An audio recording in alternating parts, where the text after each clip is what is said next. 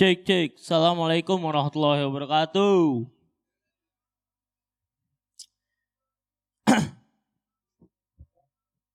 Ini nggak bisa dilepas ya? Ya eh, di tanggal 5 ini eh sebentar pembukaan dulu. Innalhamdalillah nahmaduhu wa nasta'inuhu wa nastaghfiruh wa na'udzubillahi minasyururi anfusina wa min sayyiati sayyiati a'malina wa may yahdihillahu fala mudhillalah wa may yudhlil fala hadiyalah. Eh Ya teman-teman semuanya, Pak D dan Bude, selamat datang di Nuwun Coffee. Eh, rumahnya nenek, rumahnya para cucu-cucu. Tepuk tangan. Sebentar lagi kita mulai eh podcast, live podcast bersama duduk sebentar aja. Tepuk tangan dong untuk duduk sebentar. Ih gue gak asik banget ya jadi bawa acara. Eh, Oke langsung aja kalau gitu eh, gak perlu berlama-lama. Langsung kita panggil eh, yang punya duduk sebentar. Oh sebentar. Sebenarnya duduk sebentar tuh dari gua namanya ya kan? Yoi. dari gua namanya yang punya ide gua yang yang yang terkenal dia Emang kurang ajar oke langsung aja yang punya duduk sebentar Ali Rishad Palevi dan Edo silakan eh,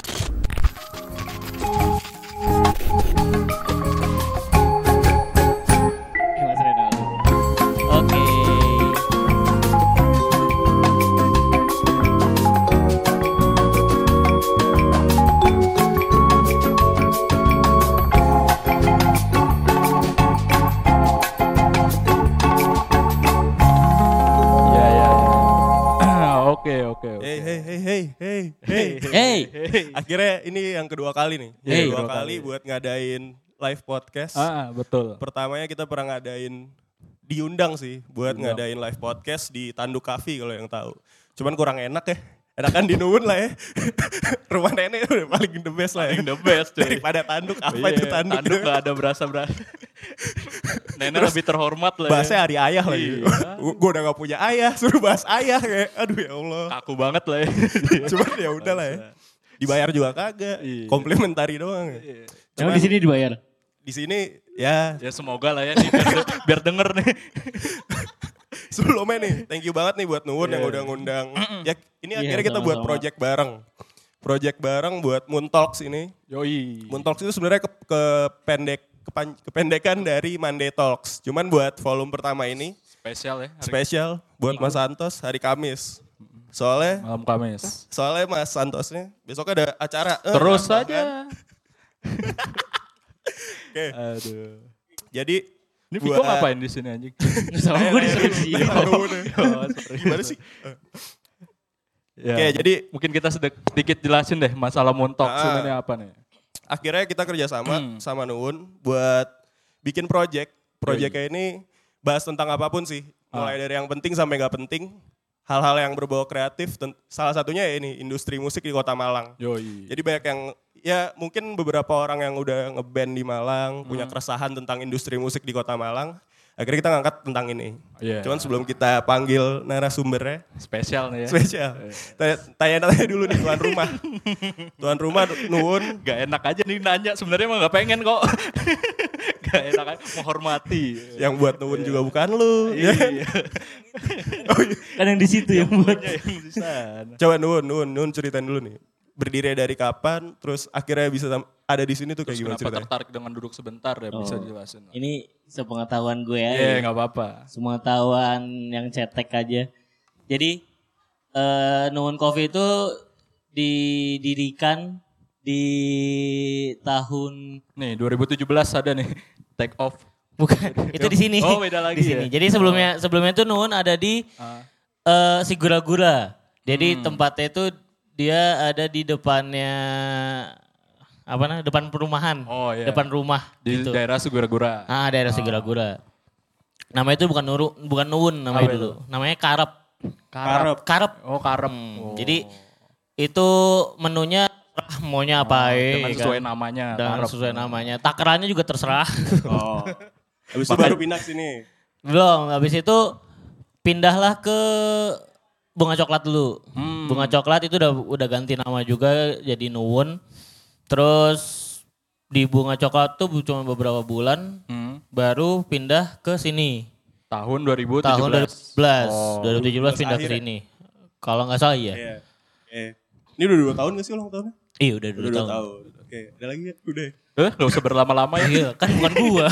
Ya, udah, ya mungkin kenapa nih tertarik dengan Oh. diadakan live podcast ini Ah. tujuannya apa ya? Sebenarnya eh, kalau kita kenapa mau ngundang duduk sebentar, terus kita bekerja sama sama duduk sebentar ya kan, Bener. daripada duduk lama-lama. Ya ya. Allah. Ambeien, lanjut. Jadi sebenarnya kita tuh juga eh, Nuwun ini mau ngebuat kafe ini jadi tempat kayak tempat berkumpulnya Kaula eh, muda. kaula-kaula muda yang kreatif lah. Ya, Jadi kita mau ngebangun perindustrian kreatif juga di Malang gitu. Oke. Oh. Yang memulai dari sini Menciptakan gitu. wadah. Menciptakan wadah lah Oh, ibaratnya. iya. Jadi nanti mung- mungkin teman-teman mau ada kumpul-kumpul band atau kumpul lettering atau hal-hal yang berbau kreatif Yeah. deh itu bisa ngumpul di Berarti sini tidak kita. menutup kemungkinan cuma podcast doang. Betul. Jadi kita ini ibaratnya pot- itu Cuman juga medianya lah ya. ya Wadahnya. Betul. Ah. Jadi kita be- awalannya tuh di podcast Yoi. gitu. Awalannya di podcast. Terus mikir podcast siapa yang yang Oh. yang ini kan. kan. Iya. Terus ternyata Dan duduk banyak, banyak yang lebih menjual daripada duduk sebentar. Cuman yang diambil karena kenal karena, aja ya. karena kenal aja Iya, kan. karena Oke, kenal. oke. Terus idenya ide gue lagi kan. Ah, saya sadar kok kenal itu. Oke, thank you banget buat Oke, Nuwun. oke. Kita abis ini langsung ngundang narasumber. Oke, siap. Ya, Oke. tepuk tangan dulu untuk Buat Viko mungkin ya. Nuwun Coffee. Ya, thank you, thank you. Sebelumnya gue ceritain dulu nih soal Nuwun ya. Eh soal Nuwun, soal duduk sebentar. Hmm, boleh. Jadi duduk sebentar. Awalnya itu podcast ini podcast gue doang. Ah. Gue Irsyad nih Ado nih. Dulu namanya tuh Nuwun Nuwun Canda. Iya. Gak jauh-jauh dari Nuwun ya. Iya, gara-gara di sini. Iya. Terus nanya-nanya nih sama Viko, kok gue mau ganti nama? Ah. Nama apa ya yang enak ya? Akhirnya buat lah tuh duduk sebentar. Hmm. Logonya dari dia, semuanya dari dia. Iya. Terus gue rekaman beberapa episode, vakum habis itu. Hmm. Itu tahun lalu lah. Habis vakum, akhirnya si Edo ini ngajak gue buat bikin duduk sebentar. Dan alhamdulillah sekarang udah 30 episode lah ya. Yes. 30 episode kita bahas tentang entrepreneur, tentang kegelisahan, Mental illness ya. mental illness, Yang mental health yang banget tuh. zaman sekarang Yep. banget. Ya udah. Ya soalnya pasarnya juga itu. Hmm. Kebanyakan juga bocah-bocah SMA yang dengerin. Bocah-bocah depresi lah. Bocah-bocah depresi. tapi ya udahlah. Iya, tapi ya Oke, udah. langsung aja ya. Hari ini ada narasumber. Narasumbernya ini dikenalnya Santos O kata. Waktu Santos kita O. kenal namanya Santos O. Iya, nggak tahu apa nggak tahu. Oh, iya. Mungkin nanti kita tanya-tanya ya. Iya, kita tanya-tanya. Kenapa namanya Santos O? Ah. Nama panjangnya siapa juga gue nggak tahu. Sebenarnya. tahu. Tahu ya Mas Santos ya. Mas Santos FN kalau nggak salah ya, Mas ya. Santos Folk. Ya nanti ditanyain Eh, aja oke. dah.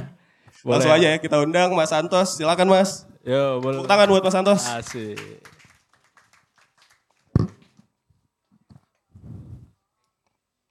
Siap. Lebat sekali rambutnya. Oke. Iya. boleh, boleh. Kabarnya gimana Mas? Kabar alhamdulillah sehat. Abis abis ada manggung-manggung ya kemarin ya? Terakhir kemarin di Jakarta. Musikologi. Musikologi. Nah, ini dia. Langsung aja lah kita bahas. Psikologi yang apa tuh? yang gue tahu Mas, Ah. musikologi nih. Musikologi kan kemarin di Jakarta tuh, di GBK kan ya? Nah, terus tiba-tiba ada rusuh-rusuh, pokoknya ada yang tampol-tampolan ya di Twitter tuh. Hmm. Itu sebenarnya cerita gimana Mas? Kan kebetulan juga itu Isan Scooter kan? Yang Ya manggung. kemarin tuh Isan main juga di sana sama Jason Ranti. Ah. Cuma juga sebenarnya tuh gue baru denger itu rusuh itu paginya. Oh. Jadi paginya itu pas nongkrong nih keluar ada teman-teman no stress kan. Heeh. Dia bilang, eh semalam panggung dibakar.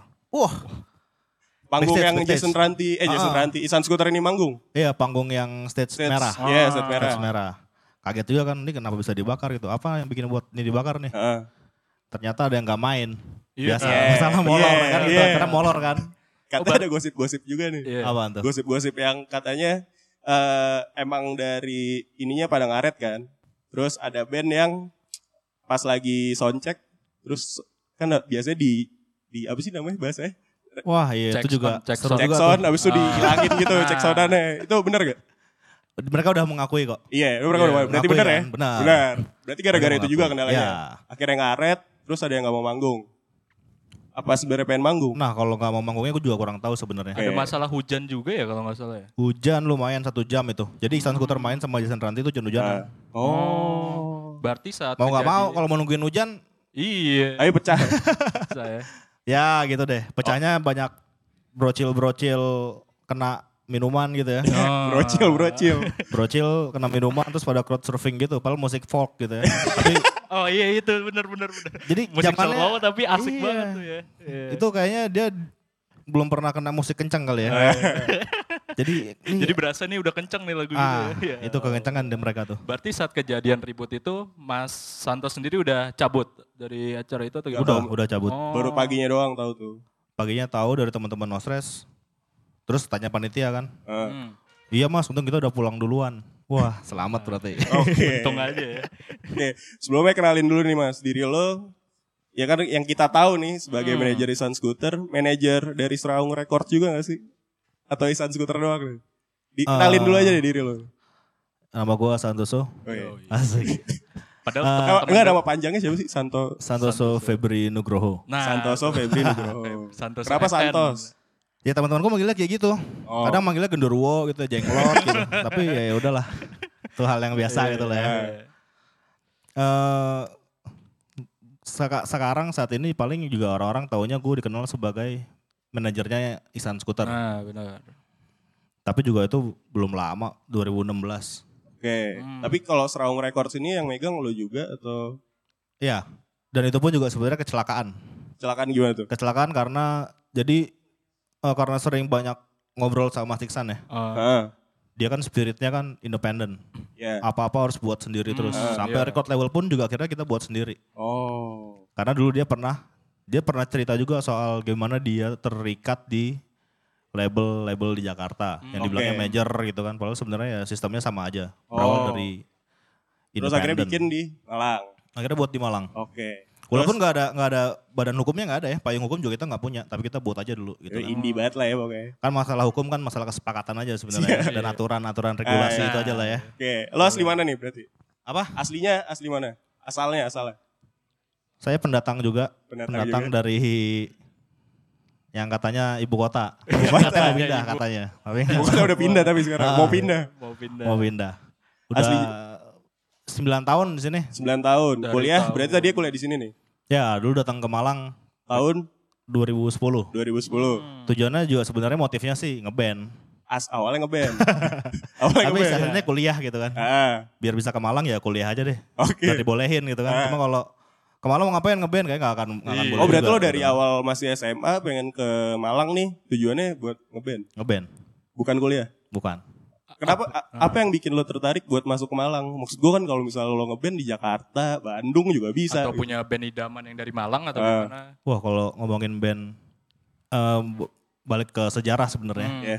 Dulu tuh Malang ada ada sebutan jadi barometer musik rock gitu ya. Ah. Rock tuh dulu Jawa Timur yang megang gitu. Iya. Oh. Salah satunya Jadi Malang. ah, ah, itu jadi salah satu alasan Oh. alasan saya juga datang ke Malang. Oke. Oke. Terus akhirnya kuliah selama kuliah selama Kuliahnya hampir hampir DO, hampir DO. hampir DO. Tapi lulus. Tapi lulus. Tahun 2018. 2018. 12 Ah. ya. Baru-baru saya. Kuliahnya 7 tahun lo. 8 tahun kuliah. Tujuh setengah, tujuh Tujuh setengah. setengah. Jurusan jurusan. Jurusan sosiologi. Sosiologi. Sosiologi. So- sosiologi berarti. Mm-mm. Dari selama lo 8 tahun di Malang, ketemu Isan Skuter berarti jadi manajernya 2016 tuh tadi. 2016 betul. Selama lo masa sebelum ketemu Mas Isan tuh ngapain itu berarti? Kuliah kayak orang-orang biasa ya masuk DPR. Apa masuk enggak. MNI ya kan? atau gimana? Tapi juga dulu omek-omek gitu gak? enggak. Oh enggak. Freeman. Freeman, Oh, iya. Freeman. Jadi dulu sering banget tawarin sama teman-teman gitu kan, Ah. masuk dong nih ke ini nih, partai hijau, merah Iya. gitu kan. Ah, Enggak. Enggak mau. iya. Mending semua gue temenin aja gitu ya. Ah. Cuma gara-gara banyak bendera terus nanti dicap, oh nih anak ini, anak ini jadi enggak semua gue Hmm, temenin aja. Benar-benar. Berarti gak ada. Ya, Cuman lo orangnya bebas banget lah ya berarti. Gak Ya. pengen terikat ke sesuatu. cita-cita kayaknya emang enak jadi freeman ya. Oke. Bebas gitu. Tapi ya emang agak susah ketika kita punya, ya balik lagi gitu kan.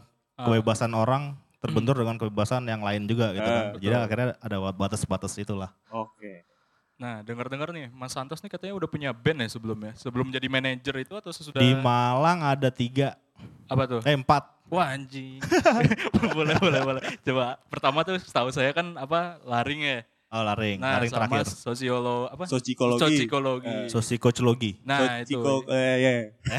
Sosikocologi mah agak susah disebutin. Ya, cuman ini kan modelnya Asik lah. asik, Iya. joget-joget gitu kan. Nggak asik sih, goblok-goblokan sebenarnya. Iya, kok ya maksud gue gitu bang, pakai pakai apa namanya? Pakai- Kostumnya aneh-aneh. yang- Kostumnya ya. Iya. Ya orang umum lah ya. Pakai-pakai gitu lah ya. Terus dua lagi apa tuh? Tadi kan Eh, katanya yang pertama dulu punya band main ini main rock and roll dulu. hmm, Beat on repeat namanya. beat on repeat. Ah. Oh, asik. Setelah Itu itu satu lagi. Satu lagi Sochi, terus satu lagi ada namanya apa waktu itu ya? Sampai lupa dia.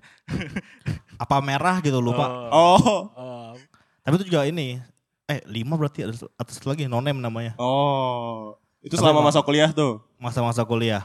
Terus akhirnya lo bisa ketemu Mas Isan nih gimana ceritanya? Nah, Kalau ketemu Mas Iksan sih sebenarnya gara-gara partai anjing tuh. Lagu Partai Anjing. Dulu masih kuliah, Hah? masih yang seneng banget kajian-kajian ilmu-ilmu politik gitu kan. Iya. Terus nemu nih, Fisik banget lah ya. eh, ya. terus lihat ah, ini orang berani banget Eh, bikin dia lagu kayak bikin gitu. lagu lugas gitu ya. Partai anjing. Dicari lah orang itu, ternyata di Malang. Hmm, Wah makin enak berarti kan. Benar. Akhirnya dia kita apa? Saya tahu dia di Serawung. Udah. Jadi dulu tuh modelnya dari jam segini nih sampai jam 4 pagi itu udah kita ngobrolin soal musik terus. Oh, itu tahun 2000, 2014 akhir 2014 akhir. Hmm. Lo sering nongkrong di Serawung berarti? sering. Oh, habis itu ketemu sama Mas Isan. Iya awalnya dulu saya pelanggan, pelanggan warung kopi. Cuma karena tahu dia orang gila juga gitu. Eh. Iya. Nggak terkenal tapi banyak wah gila dulu. Iya. Dulu kan nggak terkenal. Tapi bacotnya kacau. Mas Isan nih. Kacau. Dia pernah bilang kayak gini. Bikin lagu nggak semudah cocotnya Rolling Stone. Oh, iya. Gimana tuh? Gimana tuh? Maksudnya gimana? Gimana tuh maksudnya? Gak nyampe nih. Tidak semudah sesuatu Rolling Stone. dia. Nggak jadi dia bilang tuh kayak kenapa ukuran-ukuran itu standar bagus jelek itu mereka yang buat gitu. Oh. Padahal karya itu nggak ada jelek dan Hmm, apa benar. gitu ya. Semuanya tergantung persepsi masing-masing. Iya. Relatif lah ya. Heeh. Oke. Terus gue dapat trivia nih bang. Katanya lo kalau ke mana-mana suka bawa Tupperware. Bener Enggak juga sih. Tupperware gue hilang. Makanya nggak bawa lagi Sering ya. lupa. Nggak kenapa lo? Nggak maksud gue anak anak band setelan kayak gini ya kan. Iya. Tapi ke mana-mana bawa Tupperware tuh kenapa bang? Eh, Go green gitu apa gimana? Ini apa namanya? Sekarang lagi ini kan plastik-plastik nih. Nah, Anti plastik. Anti plastik, tapi sebenarnya juga kita butuh plastik juga sih, ya, cuma agak lebih bijak aja. Iya. Ya sedikit-sedikit lah. Oh berarti pengen ngurangi juga lah ya. Ah. Oke. apa apa bekalnya juga nggak? Apa cuma tumbler Enggak, doang? bekal ngilang, macok sendiri kayaknya makan waktu. eh beli ya. Oh, Oke oke oke. Enak kalau ada yang masakin enak ya. Iya benar. Ntar ada ininya kok ada merchandise dari sini. Emang ada anjir. Sembarangan. Oke, lo berarti jadi manajernya Sun Scooter dari tahun berapa? ya? 2016. Nah, 2016. Ceritanya gimana tuh? Akhirnya lo bisa jadi manajernya? Apa diajak sama Mas Isannya atau gimana? Dulu tuh berangkat dari iseng juga sebenarnya. hmm. Jadi lagi ngopi nih. Bosan lama-lama nih ngopi mulu kan ngomongin gak jelas mulu akhirnya gak jelas lama-lama. Terus nyeletuk lah, ayo mas buat tur.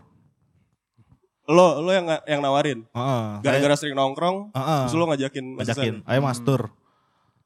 Iseng doang sebenarnya karena waktu itu masih fokus buat skripsi. Itu 2016 tuh ya. 2016. Mau skripsi Mau tuh, skripsi. ya kan? Udah ada niatan. ya, niat tuh. Iya. Diiyain lah sama dia gitu kan. Iya, waduh. Diiyainnya dengan alasan atau tiba-tiba, oh ya udah, ayo gitu. Iya, Langsung aja gitu. langsung diayoin terus juga yang tanggung jawab kan berarti kan mau gak mau gue yang lempar wacana. Lo yang tanggung jawab. Yang jawab Nah, dong. iya, iya. Ya udah akhirnya mau gak mau gas.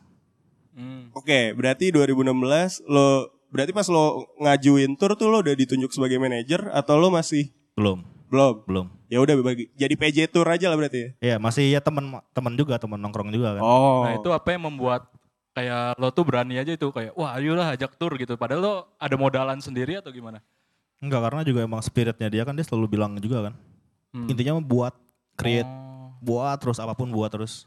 buat aja dulu, Iya. apa pun yang terjadi nanti aja gitu. Ntar. Oh. Pokoknya selama niatnya ya baik kayaknya akan Iya. aman-aman aja sih. Oh, oke. Soalnya waktu tur itu juga mikirnya gitu. kan nggak nggak sempat kepikiran bisnis ya. Iya. Nggak ada pikiran bisnis. Iya. Hmm. Minta sponsor itu nggak ada. Nah, Duit dari mana nih mas? Buat lagi, buat produk dulu. Apaan? Akhirnya kita waktu itu buat ini, buat cangkir.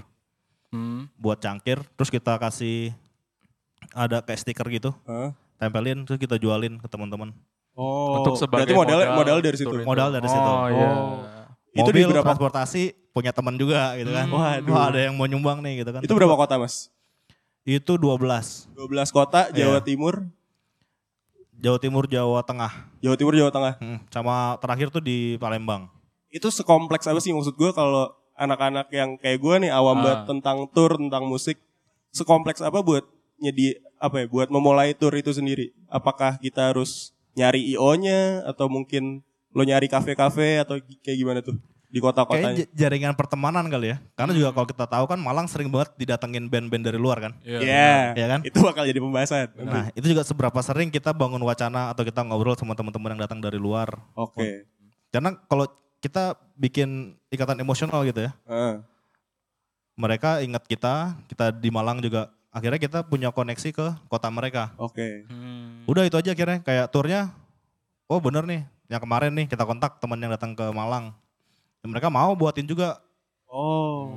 Tapi lo di sana collab sama band-band sana juga? Iya. Oh, berarti Karena konteksnya jadi silaturahmi karya. Oh. Kira sukses nih ya 12 Ah, ah. kota ini. Jadi turnya itu sebenarnya bukan bukan pengen promo promo apa? Promo Promo, karya album, album gitu. atau enggak tapi lebih ke silaturahmi karya. Hmm. Oke. Kita punya karya, ya teman-teman sana juga maksudnya punya karya juga kan. Oke, oke. ketemu oke. ketemu. Terus lo jadi manajernya Mas Isan berarti udah mau tiga tahun ya? Iya, mau tiga tahun. Oke. Berarti ketika jadi manajer tuh pas sudah tur langsung di, wah mas saya mau jadi manajernya atau gimana tuh? Enggak, dia Oh. dia yang nunjuk gitu kan. Udah deh mending eh, bantuin di pegang kontaknya dia. Hmm. Jadi kalau ada undangan ke mana untuk Sun Scooter, tadinya ke saya Berhubungan dengan Mas eh, Santos. langsung. Oh. Berarti di bionya Mas Santos ada lo. Eh, Mas Santos, Mas Isan ada Itu nomor lo. No iya. Oh, nomor. Oh. Gokil. Kalau mau yang cari nomornya Santos, cari aja tuh IG-nya Mas Isan berarti ya. Oke. Terus selama lo tiga tahun jadi manajer, sebenarnya pekerjaan manajer sebuah seorang solois atau sebuah band kerjaan itu ngapain ya Mas? Banyak Iya. yang nggak tahu. Mungkin kalau gue dapet referensi dari misalnya manajernya Raisa tuh yang akhirnya bikin Juni Records, Ah. itu kan kompleks banget lo mikirin masa depannya kayak gimana, terus satu tahun ini ngapain aja. Kalau dari lo sendiri kerja seorang manajer tuh ngapain ya? Manage, manage, manage, maintain produk paling ya. Hmm. Maintain produk kayak juga, karena juga sebenarnya saya pribadi kan bukan manajer profesional gitu ya. Ah, yang emang serius banget kan jadi manajer gitu nggak nggak gitu karena sering nongkrong akhirnya belajar gitu soal manajemen Oke. juga Ah. terus lihat eh, Mas Iksan dari pembuatan karya sampai terus akhirnya buat buat list lagu yang mau dijadiin album nih. Hmm. urutan lagu tuh itu dikasih ke saya juga waktu itu Oh. ini gimana nih udah jadi lagunya urutannya gimana nih biar enak Oh. Berarti ada ada keterlibatan lo juga di situ buat ada setlist lagunya itu. sama program paling enggak ya apa sih yang dilakuin sama musisi atau band gitu ya Ah, solois dan ya katanya kayak kayaknya dalam konteks seni apa pun kalau di manage pasti ada yang ada terus yang dilakuin entah itu dalam program seminggu sebulan atau tahun gitu Oh berarti lo ngurusin pasisan manggung, iya dong berarti. ya kalau manggung lebih ke Penjadwalan manggung lah ya. ah jadwal manggung mungkin ya Terus apa lagi? Ngurusin merchandise gitu-gitu? Atau merchandise ya itu yang brandingnya Mas Isan sendiri atau gimana? itu juga yang saat ini mungkin agak ini ya karena saya pun juga berangkat dari yang ini yang sulit banget itu dari yang timnya cuma bertiga Oh. Berarti lo Mas Isan? ada satu lagi tim foto Oh iya. tim dokumentasinya Berarti Mas cuma Isan. bertiga nih? bertiga Sam dari tahun 2016 sampai sekarang? iya Anjing, gokil gokil. bertiga terus kita coba buat uh, bikin jaringan lagi gitu kan kayak tadi soal merchandising dan lain-lain itu besok kita buat ini ya apa filter Filter apa nih? Instagram Waduh. Oh yang lagi musim itu Lagi ya. musim jadi kita buat isan skuter banyak ntar Oh, boleh, boleh, boleh. Boleh. Oke. Terus manajer ini kan berarti tadi ngurusin segala macamnya nih. Ada kendala gak sih selama lo jadi manajer solois ya? Sebelum nanti kita nanya ke hal yang lebih kompleks lagi tuh. kayak PR-nya itu sekarang oke mungkin dari tahap-tahap awal banget yang mikirnya masih yang oke lah jalan dulu nih jalan Iya, dulu terima ah. undangan gitu Iya. ya Hmm.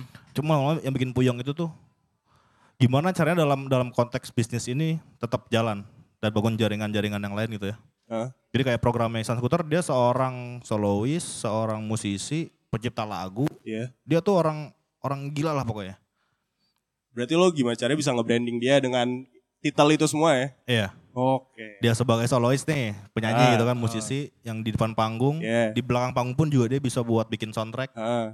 itu yang yang gila tuh Tapi kalau misalnya Isan Scooter nih, kan sekarang di digital platform udah ada lah lagu-lagunya. Itu lo yang ngurusin lo juga atau lo terlibatnya sama records lain atau lewat Seraung Records sendiri tuh buat masukin ke digital platform itu lagu-lagunya ya? untuk digital platform Ihsan Skuter itu diurus sendiri sama Mas Iksan Se- Hmm. Mas Sendiri. Isan sendiri. sendiri Tapi dia ngelibatin records lain atau ya dia dia ngajak temennya Oh, berarti itu lo udah ya Mas Isan sendiri. iya dia sendiri Wah, gok. Ya tugas gue juga sebenarnya cuma udah buat program aja apa lagi yang harus dilakuin ke depannya. Ah. Cuma kalau masalah itu yang tadi digital platform dia sendiri yang ngurusin. Oh, Oke, bar- oke. berarti manajer sendiri ini kayak mikirin talentnya juga gak sih ke depannya itu bakal ngapain itu atau Mang Mas Iksannya sendiri aja yang mikirnya? Ya sebenarnya lebih TikTok aja sih. Gue punya Hmm. ide, dia punya ide, apa ketemu nih, gas Oh, jalan. jadi lebih ke diskusinya aja ya. Pokoknya intinya kan jangan berhenti bergerak. Ah, betul. Pokoknya harus buat terus, buat apa aja, buat Hmm, terus. Berarti tetap ada hubungan nggak manajer sendiri kan yang ngatur. Wah ini ada jadwal nih, apa diterima itu tetap dari Mas Iksan atau Nah itu juga kemarin sempat sempat cerita juga dia kan. Ah. Eh, dalam konteks produk Iksan Skuter dengan simbol-simbol yang seperti Hmm. itu, mungkin ada beberapa hal yang nggak bisa dimasukin. Oh, punya idealis sendiri. Ya, kan, gitu. kita punya Misalnya apa, Mas? Ihsan Skuter nggak akan main di acara parpol gitu ya, oh iya pasti dong. acara partai politik Iya, gitu. iya. Itu kayaknya nggak mungkin. Iya. Terus main Lagunya di aja partai anjing. Iya. Iya. Masa mau nyanyi partai anjing di acara parpol? Iya, boleh, boleh. itu yang agak-agak ini. Tapi denger-dengar pernah mau diundang sama pemuda Pancasila. Wah, gila lo. Benar Ya, tuh? boleh diceritain sedikit lah tuh ya masalah undangan itu tuh. Di- Kemarin ditawarin, ditawarin kemarin buat acara tahun baru. Oh. Buat tahun baru. Wah, harusnya gede kan bayarannya pasti tuh. Ya gimana ya, tapi itu udah Oh. udah menyalahi dari tadi Aturan kita punya tadi. Idealismenya punya- ya sendiri ya. Oke. Boleh jelasin ini dikit gak? Kan kalau misalnya Sun Scooter ya orang-orang udah pada tahu lah. Tapi Seraung Recordnya sendiri bisa lo jelasin gak bang? Berdirinya kapan? Terus isinya tuh ada band-band apa aja di Seraung Records ini? Benar. Kalau Serang Record itu baru 2015 kayaknya. Hmm. Dulu sebelumnya namanya Audiolektika, Audiolektika. Audio leg 3. Nah, terus 2015 berubah jadi Serang Records. Itu dari tempat kopi kan sebenarnya Serawung ya? Ya, Oh, perkumpulan-perkumpulan jadi bikin Ah. Serawung Record. di warung Oh. Serawung. Dulu juga itu Audio Audiolektika itu juga Mas juga yang buat. Dia buat Hmm. sendiri, cetak sendiri. Wah, gokil. Tapi kalau dari sisi kepemilikan berarti Seraung Records ini punya Mas Isan? Atau Dia, punyanya Mas Isan? Mas Iksan. Lo bantu untuk memanage Seraung Records ini? Iya. Oh, Mau isinya, nggak mau. Oh, nggak mau. isinya, isinya siapa ya nih? Yang lagi mau dinaikin? Ini terakhir Yang, yang yang kita tahu ya Remisa lah ya. Ah, baru du- du- tiga ada tiga termasuk tiga. si Sochi juga gitu kan Oke. cuma karena Sochi juga waktu itu kan karena kan gue di Sochi juga jadi Iya. udahlah masuk sini lah oh, KKN berarti ya? nggak tapi dalam dalam konteks bisnis pun juga sebenarnya Sochi kan eh, dia bukan eh, bukan band atau grup musik yang dia Hmm. berorientasi untuk kayak band-band lain gitu ya Oh. yang pengen bisa jalan-jalan tour gitu Iya. tapi kalau Sochi sendiri lebih ke gimana cara kita bangun spirit musik Di kampus. gila Tapi di kampus base-nya. Apa? biasanya di kampus Oke. Hmm. anak-anak sosiologi kan sosiologi Pokoknya pengennya di kampus doang atau pengen kayaknya di- lebih lebih di Malang aja sih Oke. tapi lebih wacana-wacana apa yang lagi ya balik lagi itu isinya kan anak-anak sosiologi jadi isi lagunya ya sosiologis Iya, banget lah iya, Berhubungan lah ya. Oke. Hmm. Ini pertanyaan gue yang seputar manajer ya.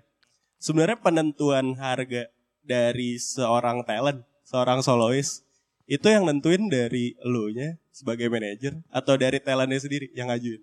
Ya misalnya, kayaknya bulan ini taruhlah 10 juta. gitu Iya, misalnya. iseng iseng aja Iya, gitu ya. Atau naruh atau gimana? Penentuan harga itu kayak gimana tuh? Eh, itu balik lagi soal harga harga diri sebenarnya karena Hmm. menurutku juga kayak setiap orang punya harga diri masing-masing gitu kan. Kadang-kadang juga orang mau ngajuin pekerjaan pun ketika di interview mau minta gaji berapa. Sesuai, Ah, ya, itu. Benar. Ya kan? Iya. Cuma itu ya balik lagi kadang-kadang kita takut gitu Ah, buat minta suatu hal yang besar. iya. Hmm, Tapi dalam konteks berkesenian, balik lagi karya seni itu tak ternilai harganya. Iya. Iya. Tapi kan tetap harus ada harganya tuh bang. Akhirnya ketemu soal kompromi tadi itu Oh. Hmm. dan kepentingan gitu. ya. Ah. Karena kan yang abadi kepentingan. Tapi kalau menurut lo nih, kapan waktu yang tepat untuk sebuah band atau soloist ini bisa matok harga yang tinggi? Bahkan gue harga yang tinggi buat range musisi aja gue juga nggak Iya. yang nggak tahu gitu. Kalau misalnya kita bicara orang-orang yang dari metropolitan misal, kayak model-model India, Fish atau mungkin yang lain-lain, mereka berani matok harga tinggi. Tapi buat di Circle Malang lah misalnya. Mas Iksan tuh baru tahun ini dapat dihargai, maksudnya dihargain sama kota Setara. ini. Oh. Sama Yang- kota itu baru tahun ini. Sebelumnya, waduh, Amsyong. Seikhlasnya atau gimana tuh? Ya 2013 dia di Malang itu, Serawung, ya mungkin masih 2 M itu dia bayarannya. Makasih mas. Oh. Nasi kotak gitu Nasi ya. kotak, gitu ya, nasi prajurit. Aduh. Tapi prajurit. ini maksud gue gini bang, kapan Ah. waktu yang tepat ketika sebuah band atau soloist nih bisa matok harga yang dibilang bi- udah cukup tinggi lah. Waktu yang tepat tuh kapan? ya balik lagi. Dari awal dia menciptakan produk itu, karya. Berarti dari harga awal lo udah matok segitu, ya udah lo segitu gitu. Harusnya seperti itu. Karena juga misalkan ada teman-teman punya band nih, Ah. band gue mau dibayar segini, kalau nggak segini nggak mau main.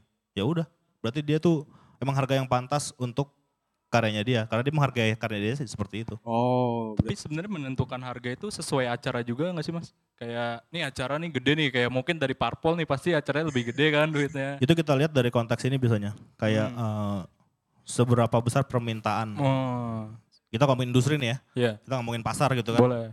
Karena biasanya semakin dia pop, Hmm, semakin banyak permintaan untuk tampil gitu. Iya benar. Cuma cara untuk balik lagi gitu kan, kalau tiap hari disikat terus, misalkan dalam sebulan main 30 panggung gitu. Waduh, Sehari sekali gitu ya. kayak 420 gitu tuh. Iya benar. 27 kali sebulan. BU sebulan banget 20 tuh kayaknya. BU, BU. Iya. Mau nggak mau harus ngambil panggung itu terus dalam sebulan tuh. Ah. Karena kan nggak ada waktu buat istirahat dan itu Ah. yang ya balik lagi soal psikologis gitu kan. Hmm, Capek sendiri. benar. Tapi juga mungkin itu juga yang salah salah salah satu eh, apa namanya? Yang bi- yang bikin turun tingkat produktivitas mungkin ya. Oh, Oke. Hmm. Karena rutinitas yang terus gitu terus. Ketika lo rutin untuk bikin ya tour lah misalnya. Berarti kan lo nggak punya kesempatan buat bikin produk pro- bikin produk lagi kan, bikin album lagi atau bikin musik lagi. Karena kesibukan tour itu. Ah itu makanya manajemen tadi itu. Oh, tugas dia lo di situ gitu berarti ya. ya? Ya. Oh, Oke. Oke, mau ngomongin manajer nih. Sebenarnya duit jadi manajer musik tuh kenceng gak sih? Ya tergantung kesepakatan aja sebenarnya. Kesepakatan dengan pihak talent.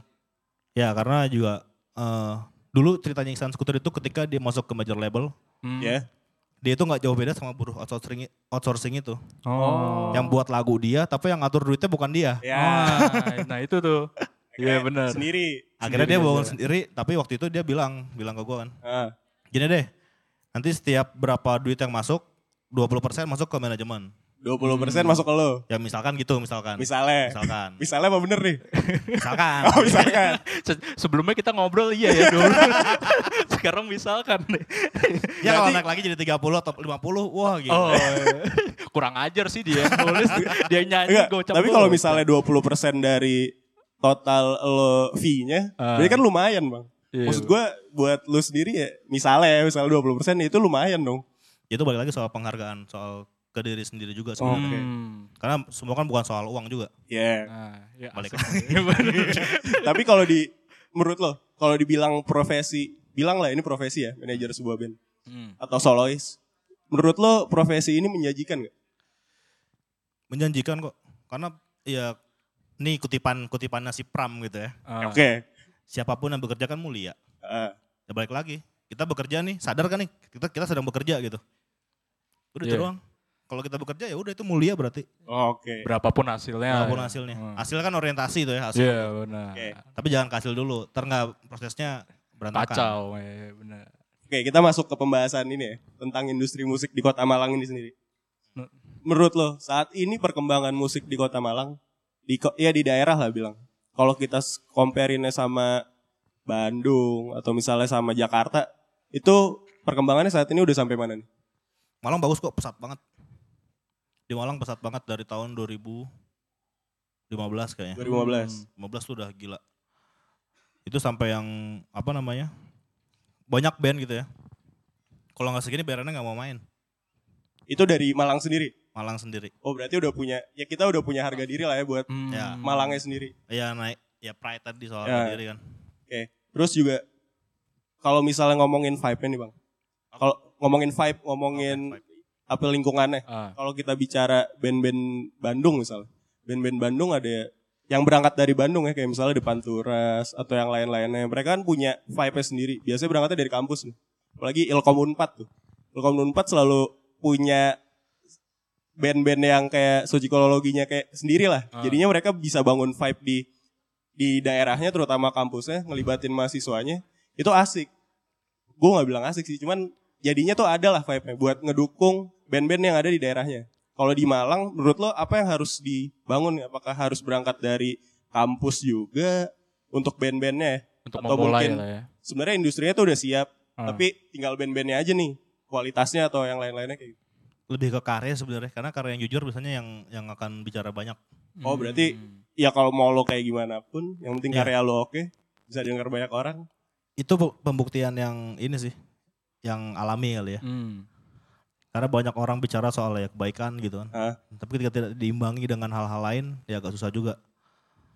Karena juga kalau di track lagi nih, Iksan Skuter itu udah hampir 20 tahun dia Di malah di berindustri musik, 20 Berarti tahun tahun. 2000 du- tahun 99 anjing. 2000 2000, sampai 2000. sekarang. Oh, tahun depan, 19 tahun depan tahun. 20 tahun. Wah, 20. gila. Ah. Tapi Ya. baru gua nggak tahu sih. Gua tahun 2000 masih masih bocah gua. Mana sedangkan tahu. Skuter kan dari tahun 2018 ya. Heeh. Ah. 18 tuh yang wing naik banget tuh Baru tuh. naik. Berarti 19 Butuh tahun. 18 tahun. 18 tahun, tahun dia ngapain aja tuh. itu yang harus dicari tahu Oh, sebenarnya. kita undang Mas Iksan lah ya. Nah, itu. Oke. Tapi dia juga gitu tuh. Kadang ada teman-teman nanya gitu ya. Mas gimana sih mas biar kayak jadi Mas Iksan? 18 tahun dulu tuh jalanin mau. Iya. Ya, 18 tahun ya, nggak sebentar anjir. Ya karena balik lagi generasi sekarang kan pengennya kan langsung jadi gitu ya. Nah, Ngeband pengennya apa sih ngeband? Goalnya terkenal gitu. dan sekedar Eh. hobi doang ya nggak sih? Terkadang banyak orang tuh yang ngeband ya hobi aja gitu. Ya nanti hobi akan kalah dengan kebutuhan. Nah, Kebutuhan pasti ya, ya mau nggak mau bekerja gitu kan. Ya selama bermusiknya itu adalah bekerja, ya udah akan aman pasti. berarti sebenarnya musik tuh nggak jauh-jauh dari bisnis dong ya. Ya semua soal bisnis. Nah, Semua soal bisnis. Nah. Balik lagi ke realita lah ya. bisa Iya. dibilang. Iya. Bisa Tapi kalau misalnya lo berangkat dari dari ya lo ngeband buat buat asik-asikan, hobi ya it's okay kan tapi nggak masalah. nggak masalah. Gak masalah kalau ngeband maunya seneng-seneng ya udah seneng-seneng aja. Tapi nggak usah nggak usah apa ya? Nggak usah sambat gitu di akhir Hmm. ketika band ini nggak berkembang. Berarti ada Ah. motif lain di di Ah. luar itu gitu kan. Kalau pengennya berkembang berarti jangan seneng-seneng. Nah, Nah, mau nggak mau lo masuk ke bisnisnya ini, Iya. bisnis industrinya. Oke. Gue mau nanya juga nih, tadi kan lo berarti udah dari 2010 sampai 2019 di Malang, sampai sekarang nih. Ada nggak sih bedanya perkembangan musik di Malang sendiri, mulai dari lo 2010 tuh sampai 2019 sekarang? Sedangkan kalau gue ngerasanya ya, gue gua di sini tuh angkatan 2015. Gue ngeliatnya sih dari zaman gue sampai sekarang nih, kayaknya yang baru akhirnya go show tuh ya salah satunya Isan Scooter terus siapa sih paling Sal Priadi Iya, kol sama diak. obat batuk ya kan Oh, kol diak dong. Oh. Obat batuk. Iya. itu Ah, kalau lo gimana tuh ngeliatnya perkembangannya dari zaman dulu sampai sekarang Perkembangannya sekarang emang kita udah melek bisnis sih kayaknya. Iya hmm. Bisnis dalam artian juga itu juga eh, salah satu pandangan dari Mas Iksan juga yang membuat gue berubah juga da- dalam konteks melihat industri musik. Ah.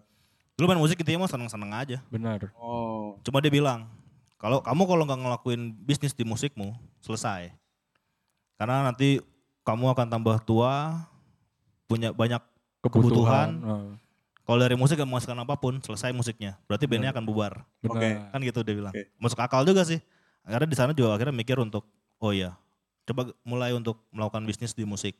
Berarti perbedaannya apa nih dari yang zaman 2010 sampai 2015 sampai 2015 sampai 2019 yang lo ngerasain bedanya selain tadi di udah mulai melek bisnis ya Hmm. dari musiknya sendiri mungkin ada bedanya Dulu sih masih senang-senang. pokoknya have fun, mabok dulu terus main mabok, main mabok, seneng-seneng gitu doang kan. Terus akhirnya ber- beralih lagi, mikir lagi, oh ngeband gini-gini aja nih. Ah. Iya. Akhirnya naik lagi untuk ngomongin gimana caranya kita bertahan di musik Dunia. ini, buat album, mikirin tour, bisnis lagi. Ah. Udah. Oke. Tapi 2015 tuh udah sangat kelihatan banget perubahan pola industri di Malang.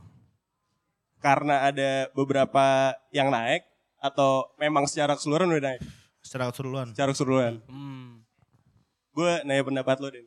Pendapat lo buat uh, band-band model, ya misalnya tadi Sal Priadi ya.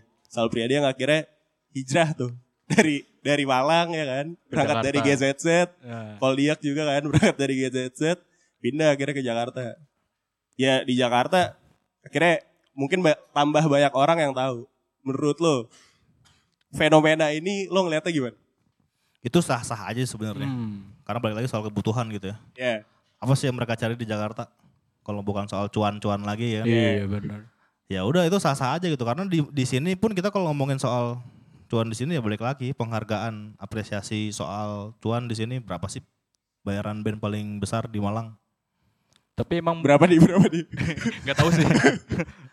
Kadang juga buat menghargai kadang bal- balik lagi sih karena juga yang ngadain acara teman-teman sendiri gitu di Iya. Malang ya. Karena Ah. Malang kecil banget gitu.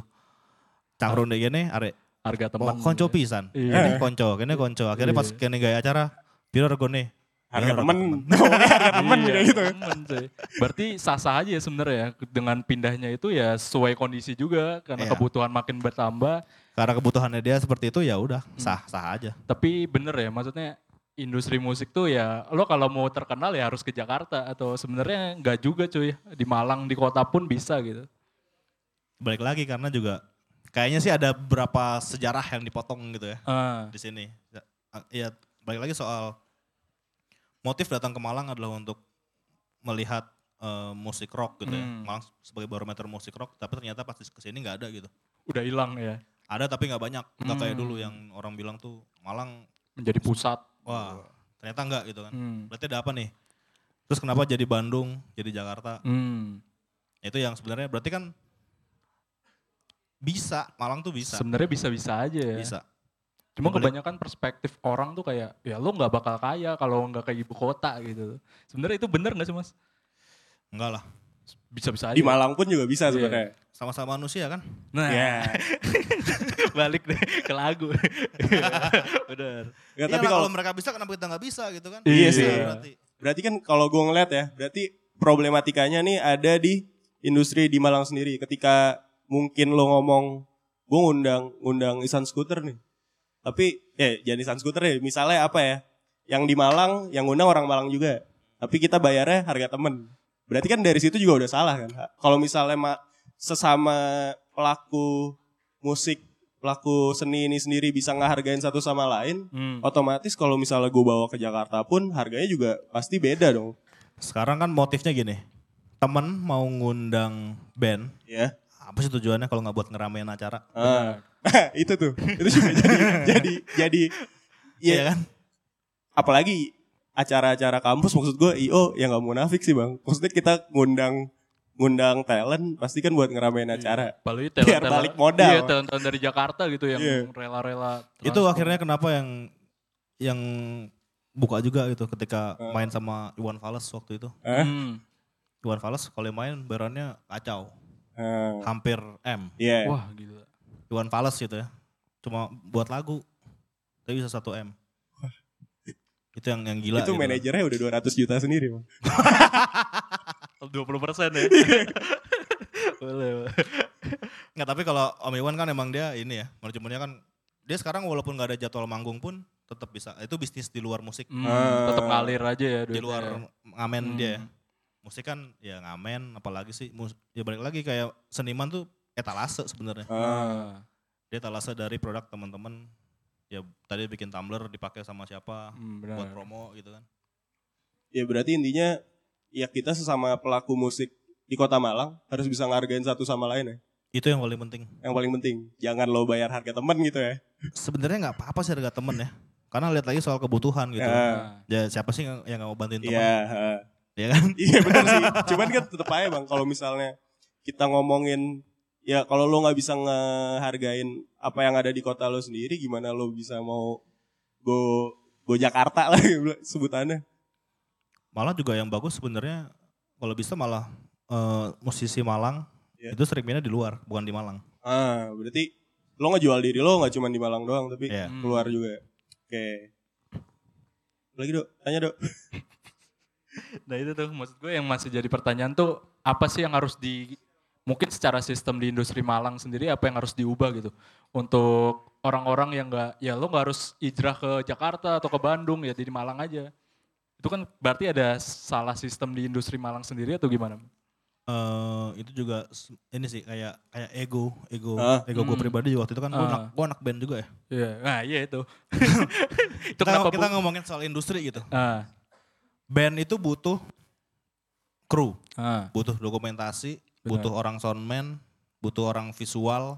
Itu kadang dulu orang tuh pengennya semua di depan panggung. hmm, Terus yang di belakang siapa nih? iya, Oh. pengennya tampil lah ya. Nah, kita kalau kalau kita ngomongin industri dalam eh, struktur kerja Hmm. industri ya nggak semuanya di depan panggung. Hmm. ah berarti kita juga kekurangan orang-orang yang mau di belakang panggung belakang. Entah Padahal jadi sebenarnya yang paling berbahaya tuh orang-orang di belakang. di belakang panggungnya itu sendiri Mm. Terleb- terlebih berarti io io di Malang pun juga itu termasuk orang di belakang Iya, dia bagian dari industri musik itu. oh itu kita kekurangan itu berarti di Malang Banyak di Malang. Tapi perlak- memperlakukan si senimannya ini ya tadi itu. Hmm. Nggak, Oh. masih banyak yang tidak fair lah. dari semua sisi lah ya Ya. terutama terutama yang belakang belakang panggung dan depan panggungnya kita masih belum bisa ngehargain musisinya belakang panggungnya juga masih kekurangan Mm-mm, betul. kendalanya apa lagi nih bang buat industri musik di kota, kota Malang ya kalau kita bicara kendala nih Ya Hmm. tadi kayak misalkan kebutuhan kebutuhan hidup tiap orang gitu ya. Hah? Di industri musik gimana caranya si gitarisnya bisa makan dalam sebulan, basis makan sebulan, krunya makan sebulan, Iya. semua bisa makan dan aman dalam waktu sebulan dari Ah. musik. ya Itu kan butuh standar standar akhirnya ada standar nominal untuk band menghargai. oh berarti kalau kita ngomongin musik dan industri ini harus dipisahin nih Ya paling enggak ya kita memanusiakan dia lah. Oke, berarti kalau lo ngomongin musik, lo suka ngeband ya udah ngeband. Tapi kalau lo ngomongin industrinya, Beda berarti beda banyak lah. keterlibatan dari masing-masing orang ini dan Ah. semuanya butuh makan ibaratnya. Butuh lah. Ah, Terus juga profesi anak band, ya Allah anak band. Cita-cita masa depannya suram. ah, benar, iya benar, pandangan benar. masih kayak gitu. Orang ngeliat tuh karena musik tuh bukan bagian dari kehidupan. Iya. Dalam kehidupan pekerjaan gitu ya. Iya. Profesi apaan? Musisi. Orang akan mikir berapa kali gitu ya Ah. untuk ke sana. Padahal sebenarnya setiap orang pasti butuh musik. Oh. Iya. Itu akhirnya kenapa kenapa gue mikir kadang-kadang Rolling Stone dan Beatles ini dia nggak main tapi duit jalan terus. Hmm. Iya. Royalty gitu kan. Ah. Berarti ada ada ada konsep bisnis yang mereka bangun untuk menghidupi dia seterusnya. Iya. Itu yang sadis dan dan itu kita lihat sendiri ya musisi Indonesia. Balik lagi nih kita bercermin di Indonesia gitu ya. Hah? Berapa banyak musisi-musisi legendaris kita yang hidupnya sekarang Makmur ya kurang makmur. Iya, maksudnya banyak yang gak makmur jadi Iya. gitu. Gara-gara Saya lu. sistemnya itu yang salah. Iya. ya sorry lah kalau salah. Iya. Ya karena kalau ngomongin makmur mah udah ya nggak usah manggung lagi udah. iya. Tapi ya ini Ariel Peter Pan nyayur sih bang. Woi, dia mah jangan ditanya. Iya, ada stok videonya banyak deh. Bacaannya bacaannya dia malah di lock loh dia. Nah, Waduh. Ngeri. Oke balik lagi ke lo sendiri. Berarti lo sebelum menentukan lo kuliah nih di Malang. Walaupun tujuan lo awalnya cuman pengen nge ngeband lah ya, pengen ngeband di Malang. Tapi kan ada di titik di mana lo akhirnya nentuin, ah gue pengen pengen serius nih di dunia industri ini daripada gue jadi PNS misalnya. Berarti lo ada di titik itu nggak buat nentuin itu? Apa dari awal lo, ya udah gue free man aja lah gitu. Enggak sih gue udah meyakinkan diri gue sendiri. Balik lagi soal ini ya, keyakinan kali ya. Hmm. Seberapa yakin diri lo untuk menjalani hal ini gitu. Ya, nah itu itu jadi pertanyaan gue bang. Kayak anjing gue bikin podcast kayak gini ngapain sih kayak gitu? Gak ada duitnya ya. Duitnya nggak ada. Ini apaan? Kan konsisten. Ya iya sih. Cuman Cuman lo seputar aja 20 mau 20 tahun gitu. Ah. Baru berapa tahun yang lalu gitu. Iya. Ya udah konsisten aja terus. Karena itu nanti yang menjawab besok Eh, mending prosesnya dulu nih. ya. Proses lah. Kita nggak Hmm. tahu besok kayak gimana kan. Bener. Berarti lo dari awal udah yakin kalau ya udah gue jalanin hidup ini gitu. Iya. Dari lo pertama mau kuliah di sini tuh. Ya nggak proses lagi. Oh. Cuma dulu kan pengennya ngeband doang kan. Ah. Akhirnya melek soal oh bekerja di musik seperti apa. Nah itu yang akhirnya yang gue Oke, pelajarin. Oke oke oke oke. Terus juga gue pengen nanya nih, eh menurut lo ya, kayak misalnya di Malang nih, sekarang nih, yang lagi diundang di acara-acara musik, ya nggak jauh-jauh lah, pa- paling itu itu doang. Ah. Dan itu gue nggak tahu ya, cuman orang ngomongnya dari satu satu label records yang diundang itu itu doang. Menurut lo harus ada pembagian gitu gak sih atau ya udah berarti memang lagi rezeki jadi aja atau gimana? Itu soal bisnis lagi kan. Ah, Karena juga si record itu pun juga punya kepentingan gimana cara membangun rekornya dia untuk membesarkan rekornya dia. Hah? Ya Itu sah-sah aja sebenarnya. Tapi balik lagi gitu karena di Malang kan nggak cuma satu ada banyak. Iya. ya. Tapi kenapa yang dilihat cuma itu doang? Nah itu, itu yang jadi pertanyaan bang. Atau mungkin yang lain kurang produktif juga Ah. atau gimana? Jadi itu juga nggak bisa nyalain kalau si record ini besar gitu ya.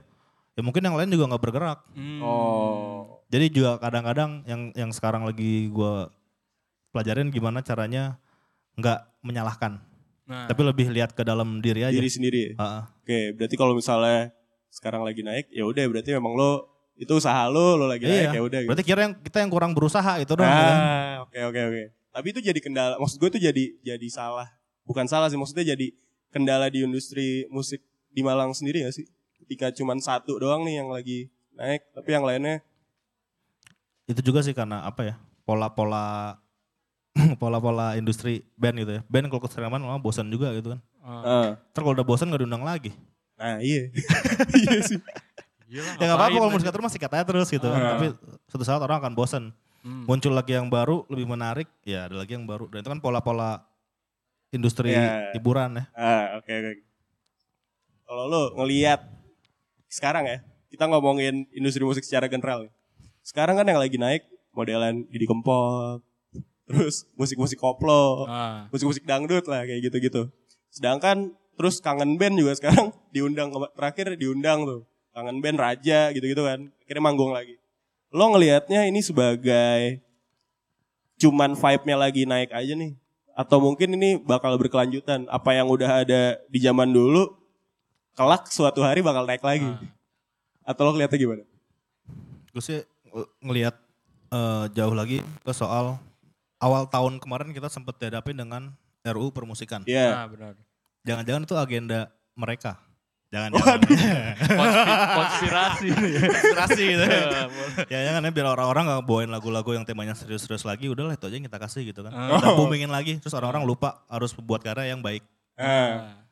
Mungkin, mungkin ya. yang seriusnya maksud gue, lo ngeliatnya fenomena gimana? Ya itu industri, cuan.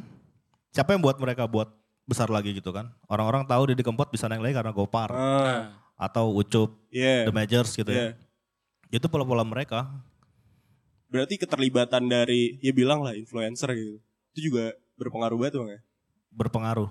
Tapi balik lagi kalau ngomongin soal karya kan kita harus banyak eh, mencari tahu dulu ada apa. Ah.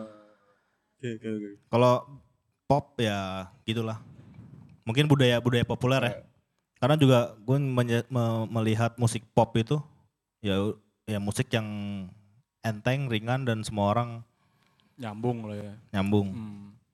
Karena nggak nggak ribet juga karena orang-orang mau nonton musik pun juga niatnya refreshing kok nggak pengen Iya, Puyeng-puyeng nggak gitu ya. Macem-macem lah. Oke oke oke. oke. Tapi pendapat lo tentang band-band kan sekarang banyak banget nih band nih. Tapi emang kayak bertahan satu, paling dua tahun juga udah kelar gitu tuh. Menurut lo apa sih yang salah dari hal-hal seperti itu? konsisten, Konsisten lagi, balik lagi. konsisten dan produk karya. Oh berarti kan kebanyakan juga band-band yang bertahan sebentar tuh ya cuma sekedar hobi. Jadi lo mau nggak mau harus masuk bisnis untuk apa ya jangka panjang lah ya. Ya, ini kita ngomongin soal pekerjaan lagi nih. Ah Iya. boleh. Musisi kerjanya apaan sih? Nyanyi lah. Buat lagu. Buat Iya, lagu. maksudnya buat, Buat karya. buat karya gitu. Ya, buat lagu ya terus. Ah. Mati buat lagu. Nah, Oh, di itu samping itu lo butuh seorang manajer. Ya, itu kita ngomongin di konteks lain. Tapi Eh. balik lagi soal profesi gitu ya. Tapi ya udah berarti kerjaan lo buat lagu. Intinya itu ya, konsisten. Mm-mm. Oke. Tapi ada aja sih Karena band-band- sekarang juga menurut gue juga soal soal pekerjaan gitu ya. Ah, Orang-orang melihat pekerjaan yang keren sekarang tuh ya nggak jauh-jauh dari pegawai-pegawai aja sebenarnya. Iya. Pengen Oh. masuk ke perusahaan ini. Kalau jadi pegawai, dia nggak di nggak di eh, proyeksikan untuk jadi seorang kreator. hmm, ngikutin aturan yang di sana Iya. aja gitu ya. Tapi kalau misalnya ngomongin profesi musisinya sendiri, Hmm. kita bilang lah, bisa dibilang menjanjikan gak sekarang menurut lo? Soalnya kalau gue ngeliat sekarang musisi-musisi pun banyak juga yang kerja ker- yang kerja sampingan gitu. Kayak misalnya eh Cali Sariboy itu, siapa sih namanya? Fis, gitaris Fis. Adian Dian Nah, apa gitu. Dia kan juga kerja sampingan, ya kerja gitu. Ah. Habis itu malamnya manggung kayak gitu. Atau musisi pun sebenarnya udah cukup, asalkan lo bisa bikin karya yang konsisten tadi. Atau mungkin dia di di porsi bandnya dia bukan sebagai kreator yang harus mikirin konsep atau apa gitu. ya. Oh. Pokoknya terima beres jadi lagu, udah ngiringin, udah selesai. Sebatas mengiring. Iya kan enak. iya sih, terkenal juga. Kecuali ketika dia sebagai musisi yang total di bandnya, Ah. mungkin akan banyak makan waktu di bandnya. Oh, soalnya lu juga bahas konsep dan lain-lain Iya. itu. Terus gue juga mau nanya nih, masalah personal branding dari masing-masing personil yang ada di band itu sendiri. Kalau misalnya kita ngelihat sekarang, banyak banget nih band-band yang secara personil, secara vo- akhirnya dia vokalis misalnya. Vokalis punya personil yang punya personal yang bagus. Akhirnya dia, dia bikin solo Hmm. sendiri walaupun bandnya tetap ada atau mungkin eh, gitaris-gitarisnya punya personal yang bagus akhirnya dia bikin Project. jadi project yang lain kayak gitu lo ngelihatnya penting gak sih per- personal dari masing-masing Intinya- personil ini Intinya mah sama sebenarnya, jualan, ya dagang juga kan. Ah. Heeh, Dia misah buat produk lagi, jualan lagi gitu kan. heeh. Karena dia buat solo, buat band. Kalau semua dagangannya, ya lo bayangin aja berapa banyak cuan yang masuk gitu kan. Iya. apalagi jadi manajer ya kan Wah kalau manajer enggak lah gitu. Kalau manajer megang banyak band gitu ya, enak. oke kayak lu berarti kan sekarang lu me- megang beberapa band kan berarti Iya tapi kan dia baru satu ini masih Isan Skuter ini yang Oke. baru jadi gitu kan. Terus lo ngelihatnya personal branding dari sebuah band ini perlu dibangun karakternya nggak? Supaya orang nih kenal kayak misalnya menurut gue nih lo denger Hindia ya mental illness banget lah lo gitu. lagu-lagu kayak mental health banget gitu. Iya, iya. Gue gak sih cuman ya bau-baunya kan kayak gitu. Iya. lo ngelihatnya pe- penting gak sebuah band ini punya karakter untuk untuk dirinya sendiri. Akhirnya itu jadi jadi berkelanjutan gitu. Orang selalu nginget dia, oh ini nih lagunya tentang kayak gini gini nih. Penting banget sih itu. Kayak misalkan dia main musik rock gitu ya. Ah. Tapi kalau dia nggak menun- menunjukkan dia sebagai musisi rock ya gimana orang mau tahu gitu. Iya. Ya lebih ke balik lagi produk jualan gitu. Misalkan Indomie Indomie goreng gitu kan. Ternyata dalamnya soto.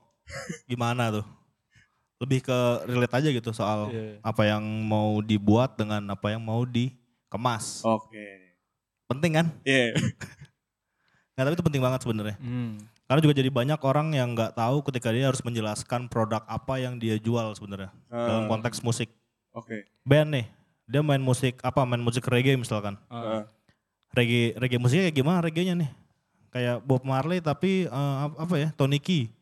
gitu kan. Kayak Bob Marley tapi tau dikit. Ah, kan tapi dia nggak bisa menjelaskan secara detail musik yang dia mainkan gitu. Ah. Nah, ini balik soal produk lagi, produk Oke. musik tadi itu sendiri. Sebelum kita masuk ke saran-saran lu buat industri kota Malang. Gue mau nanya ke diri lo sendiri nih. Cara panjangin rambut tuh gimana?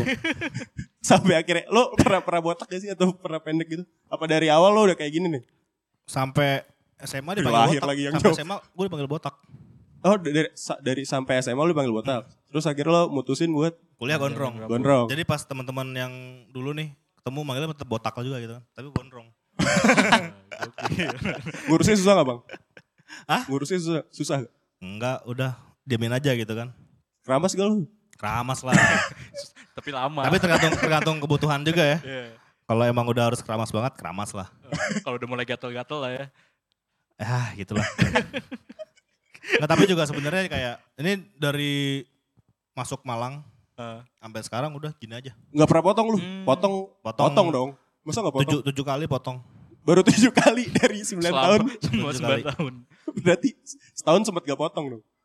Ya kadang dua tahun nggak potong. Anjing. Cuma kalau lagi emang parah banget, biasanya kan masalah orang gondrong kan rontok rambutnya. Iya. Tapi ini jadi ciri khas dong. Maksud gue, Ya wah, soal brand tadi. nih. Oh. Brand. Gimana caranya orang bertanggung jawab dari apa yang dia eh, tunjukkan gitu ya. Oke. Karena juga gue sangat paham dengan resiko yang harus gue tanggung. Ah. Kayak tadi si Bo bilang gitu kan. Temannya Bo tadi ini apa katanya eh, DM si Bo kan. Heeh. Eh itu Santos anak visip yang gak lulus-lulus ya? Wah. mungkin dia lihatnya kayak tampilan tampilan Eh, seperti ini juga iya. dia mungkin mikirnya gue orang yang gak beres gitu ya. Iya. Padahal mah beres kan? Aman-aman aja Aman-aman aja. Cuma kira kan kayak ini visual yang dibangun Ah. untuk meyakin orang bahwa semua itu nggak bisa dipandang lewat Fisiknya doang. iya, penampilan. Oke. Mungkin buat teman-teman di sini ada yang pengen nanya, kita kasih kesempatan buat nanya nih buat Mas Santos. Silakan teman-teman. terkait industri Tapi atau emang mau emang santai aja kayaknya nggak usah yang serius-serius Iya. banget. Iya. Agak relax-relax aja. Yang mau nanya? mau, Silakan. mau nanya tips gimana panjangin rambut tadi nggak apa-apa. Ada nggak teman-teman yang mau nanya terkait industri musiknya atau gimana apa aja? Ngobrol lah maksudnya? ngobrol. Terkait Mas Santosnya sendiri juga gak apa-apa. Jangan jangan personal. Gila lu. Oh nggak boleh personal. Ada yang mau nanya? Silakan. Belum ya? Oke. Lanjut lagi. Kayak le- lebih banyak ini biasanya kalau ngopi nyantai ini serius banget ada kamera, ada mic gitu ya. Iya. Jadi Ukak banget, ukak banget ya. Kita nyantai sebenarnya. Cuma Taruh aja taruh. Ada yang mau nanya nggak? Belum nih. Atau ya udah. tapi ini emang di setting nyantai aja sebenarnya. Itu di Iya. situ ada ada Yomil dulu mantan drummer. Lu Yomil juga satu band juga aku sama Yomil. Band apa tuh namanya? Yang Laring. mana? Oh, oh yang laring. Banyak Sama banget soalnya 5 band anjir. Yang dosen gue tuh apa? Hankestra ya? Wah iya. Pak Deka. Ah, enggak, kalau de- si Mas Deka ini dia Hokus Pokus. Oh. Hmm. Itu dosen-dosen tuh ya? Dosen tuh. Lo, lo berarti seangkatan sama dosen gue? ya? Enggak lah, Mas Tuan dia. tua, Kira tua seangkatan banget. sama dosen gue. Tapi gue mau nanya sih, kan sebelumnya kan lo punya band nih. Tapi lo kan sebagai seorang manajer, kenapa band lo bisa bubar padahal lo seorang manajer gitu loh. Mungkin itu pengen nanya sebenarnya nanya aja. Eh, Apa emang belum tahu konsepan manajer itu seperti apa sebelumnya? itu balik lagi soal keyakinan sebenarnya. Nah, Sebenarnya yakin karena band ini kan kumpulan orang nih. Kumpulan orang yang dia harusnya berpikir ini kita yakin gak nih dengan apa yang kita lakuin dari ngeband ini nih. hmm, Dari musik ini kita yakin gak? Ah. Gue yakin, kalau yang lain gak yakin, selesai. jadi nggak seimbang ya, gue seimbang. doang yang yakin. Berarti saran saran saran lo nih buat bocah-bocah kampus lah yang sekarang lagi ngeband di kampus nih. Berarti kan ada kecenderungan lo udah lulus bubar. Ah, iya Iya bener, kan? Iya, bener, banyak bener. banget itu tuh kejadian kayak gitu. Penyakit di Malang dari dulu kayak gitu tuh. Nah, saran lo apa nih buat bocah-bocahan yang kayak gitu tuh? Ya Udah kalau mau, lulus bubar. ya nggak apa sih kalau emang, tapi juga jadi salah satu apa ya, yang, yang mungkin eh, mengganggu ya, mengganggu industri. Hmm, Karena kasihan teman-teman yang ngeband serius sebenarnya. Nah, Oh. Udah capek-capek serius. Ngeband serius buat lagu, akhirnya datang lagi musisi yang baru ngeband cuma iseng doang gitu ya. Dua tahun, tiga tahun, nggak nyampe, Ah, bubar. terus IO pun juga mikirnya kan, gue mau ngundang band yang murah aja gitu kan. Nah. Murah, masanya Banyak. masa kampus. Iya. Akhirnya kasihan teman-teman yang ngeband serius. ah. Tapi lo ngeliatnya berarti Malang saat ini udah memasuki fase serius untuk industri permusikan ya? Udah. Tips and trick lo buat musisi-musisi atau mungkin solois atau band buat yang lagi pengen serius lah ya. Selain dari industri, ya selain dari musiknya sendiri, tapi dari industrinya saran lo apa? Yakin aja. Yakin Yakin, aja. dengan apa yang lo lakuin saat ini. Sampai mati itu aja yang dilakuin terus. yakin dan konsisten ya. Udah itu. Yo. perlu bikin merchandise gitu-gitu. Ya, Bagian. itu itu bagian dari sub bisnis pekerjaan. Ah. Tapi balik lagi kalau musik adalah sebuah pekerjaan, musisi sebagai sebuah pekerjaan ya tugasnya musisi adalah membuat lagu, tugasnya penulis adalah membuat buku, Hmm. tugasnya Tukang tukang gambar ya, ya, bikin gambar. Ah. Udah Gua- itu aja sebenarnya. Gue dapat omongan nih. Ya dari salah satu adalah kru lu katanya. Wah Santos kalau nongkrong sama Santos ngomonginnya bisnis mulu. bener ya? Bener gak sih? Kayak Baru aja kemarin Iya, gak, gak jauh-jauh dari bisnis. Gue gak pernah bercanda, Boy. Setiap makan ngomonginnya bisnis kayak gitu. Bener gak tuh? Tahu deh kayaknya nih siapa deh. Karena yang abadi itu bisnis. Oh. Siapa pun. Iya. Termasuk negara pun sedang berbisnis. Iya. Eh, Negara lo berbisnis. Masa kita nggak berbisnis? Tapi balik lagi nih bisnis yang seperti apa dulu nih. eh. Karena menurutku juga setiap orang ketemu dia punya kepentingan, gue punya kepentingan. Selama semua itu terpenuhi, aman-aman Hmm. aja kan. Oh. Yang Jadi- abadi soal kepentingan semuanya. Iya sih. Kepentingan itu bagian dari bisnis. Iya. Iya. Berarti ya udah berarti gak jauh-jauh dari bisnis lah ya. Bisnis kan gimana caranya ya balik lagi nih gue meyakinkan gimana cara meyakinkan orang-orang dengan apa yang gue lakuin saat ini pun juga ya bisa gitu. Iya. iya. Bisnis gue harus untung, dia juga harus untung. Semua harus untung. Itu yang penting sebenarnya. Bener, bener. bener. Oke, ada yang pengen nanya mungkin dari serta audiens? Silakan. Kalau ada yang mau nanya. Belum ada? Gak ada yang berani kayaknya bang. Nanya. Iya. Kurang minuman kali ya. Wah, gue nawarin tadi jadi, tuh. jadi gak nyantai ya. Aku banget. Biasanya kalau orang udah kena sadarnya tuh Nah. baru tuh. Iya baru ngomong Oceh aja mulu ya. Tapi juga jadi salah satu ini ya kayak. Tapi ini jadi jadi jadi waktu yang dulu gue sempet punya kesempatan ngomong di depan depan orang banyak Ah. waktu soal reformasi di korupsi kemarin. hmm. Tapi yang ada di kepala gue isinya ini Bisnis. bukan Yo beda lagi. bukan bisnis. Tapi lebih banyak ke ini sih. Apa namanya? Mendorong orang untuk melakukan apa gitu. ya. Eh, Tapi lebih lebih ke arah-arah yang mungkin sifatnya radikal. Oh. I see, Berarti lo kalau misalnya nih kita bicara industri musik kota Malang, perlu gak sih sebenarnya ada ada apa ya? Bilang lah komunitas buat ngebangun industri musik di kota Malang ini lo menentang itu atau ya udah biarin jalan masing-masing aja. Itu bagus, tapi juga itu juga itu jadi perjalanan soal industri musik di Malang. Hmm. Gimana? Dulu dulu gue sempat masuk komunitas juga di Malang, komunitas musik. Tapi akhirnya yang buat nggak berkembang adalah kita cuma bahas soal teknis, Hmm. bukan karya. Teknisnya maksudnya kayak gimana? Kayak, Ngeband nih dulu alat tuh apaan? Efek. Alah. oh. Lebih ke sharing doang lah ya Iya, masalah itu ya. Ngumpul Gitarnya ya. apa gitarnya? Aduh. Ya. Lagunya mana? Gak ada. Iya. ada. Berarti nggak nggak pernah ada omongan untuk ngebangun ngebangun suasana di industri kota Malang ini buat lebih maju lagi ya. Bukan bukan iya, bukan ke produktivitas yang dibahas di Hmm. komunitas itu. Tapi lebih banyak ngomongin Gitar lu apa ya? gitu-gitu teknis, ya. terus Hmm. gosip. Ah, Ya kan, gosip. Oh band ini gibah ya. gini, band ini nih, band ini, aduh. Akhirnya lupa dia harus berkarya sebenarnya. Ah, nah itu yang bikin malah jadinya bubar ya sia-sia Bubar. ya. Hmm. Tapi lo nggak pengen jadi inisiator tuh buat Nah boleh tuh. Ntar lambang logonya mungkin muka lo bisa tuh. Ini kalau nggak salah tanggal eh kapan semburat? 15 apa nih Desember. acara apa nih? Ah. Itu juga semburat salah satu acara sama teman-teman di Malang. Hmm. Kita dulu buat semburat itu band-band yang baru buat satu lagu, tiga lagu gitu ya. Ah. Itu kita buatin acara, kita buatin kompilasi, jadi produk kan tuh, jadi karya lagi. Oh. Tapi sebenarnya tujuannya dari semburat itu sendiri, ayo maju bareng-bareng. Oh, modelannya kayak IKJ IKJ zaman dulu tuh. Tapi konteksnya karya nih, harus punya Ah. lagu sendiri, karena kompilasinya nanti harus masukin karya. Iya, Ah. jadi dibikin album kompilasi gitu kan. Iya. Jadiin satu. Wah. Itu belum ada berarti, baru lo mau mulai ini. Apa, udah aca- itu, udah, ya mau kelima nih. Wah, gue gak tahu tuh. Berarti apa namanya? Kurang tahu. Semburat, semburat, Sebuah, se- Oke. semburat. Buat teman-teman yang nggak tahu bisa ikut situ ya. Tempatnya di mana? Semeru Semeru. Art Gallery. Semeru Art Gallery. Itu juga seru tuh. Jadi ibaratnya kayak ada band baru gitu ya. Yang kita Ah. kita nggak tahu nih, misalkan ternyata kalian ngeband gitu, datang, wah asik nih. Oh. Kita nemuin hal-hal baru lagi ntar di sana. Oh, berarti bisa join ke sono. Kalau dulu tuh sebenarnya bikin semburat itu kan itu juga nama yang gimana caranya nanti band abis main dari sana tuh semburat. Udah Hmm. mencar. Ah. Tapi mencar tetap meng, mengampanyakan karyanya dia sendiri keluar. Oh, tapi kalau itu kan dimasukin jadi album kompilasi berarti. Hmm. Itu recordsnya masuk ke records. Itu kolektif dibuat bareng-bareng tanpa ada Oh, bareng-bareng aja. ya. Dulu sempat juga sih ada record label frekuensi kalau nggak salah dulu. Frekuensi Ah. record dia yang mau biayain soal produksi. Buat album Heeh. kompilasi itu.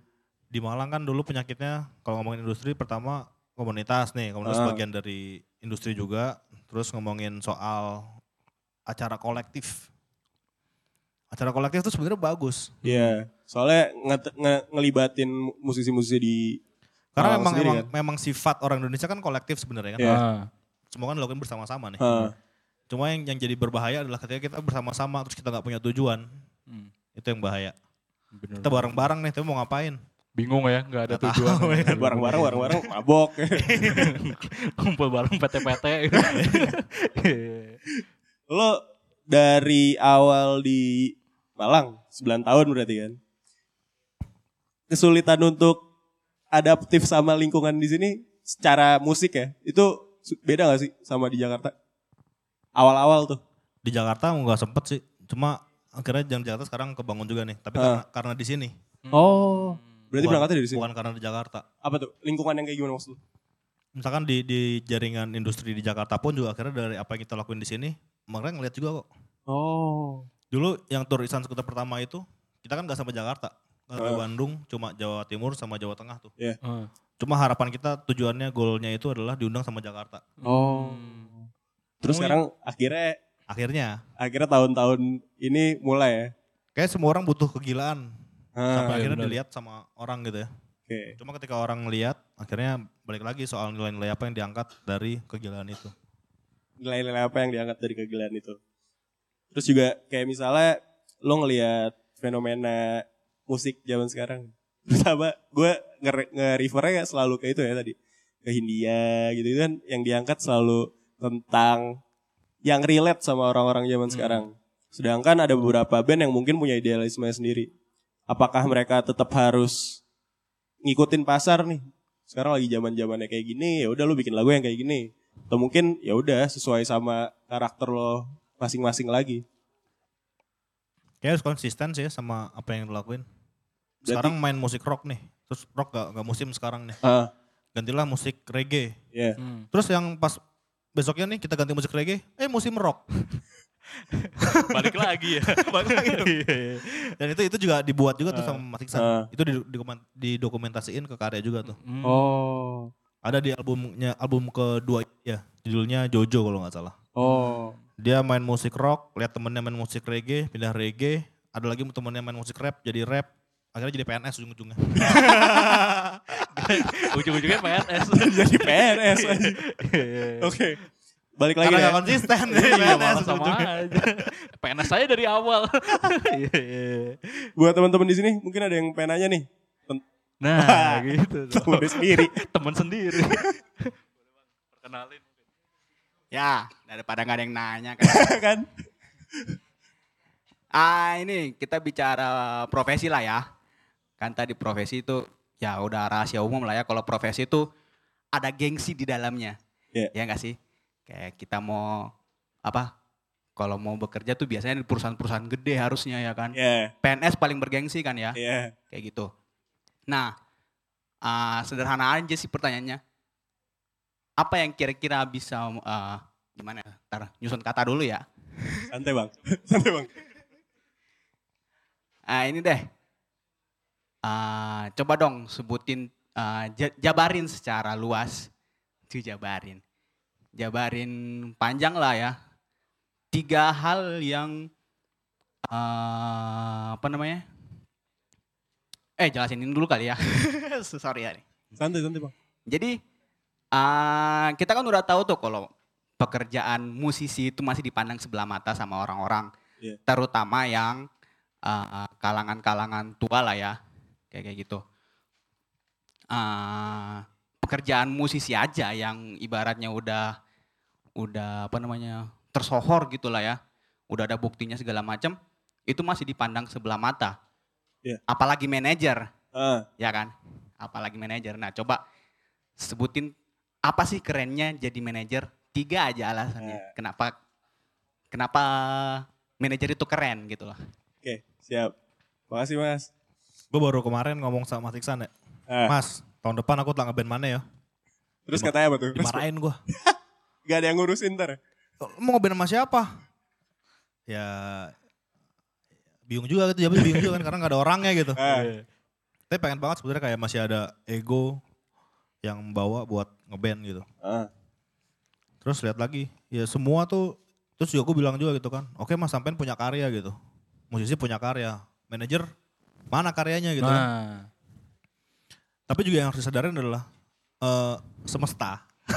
Anjing semesta. keluasan tuh.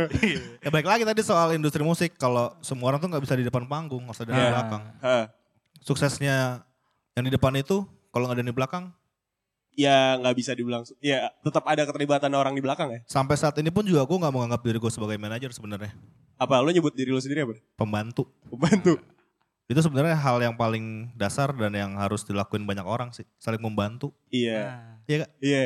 Berarti kerennya apa tuh kalau misalnya lo jabarin? Kerennya. Mungkin kayak contoh lo ke mertua lo nih bang, kayak aduh apa yang harus gua angkat sebagai seorang manajer nih apa ya untuk meyakinkan orang gitu. Apalagi tadi katanya orang-orang apa konservatif tuh kayak apa sih manajer fungsinya apa terus berapa sih duitnya? Ah. Mungkin dari lo sendiri apa yang membuat orang yakin nih kalau manajer tuh terjamin?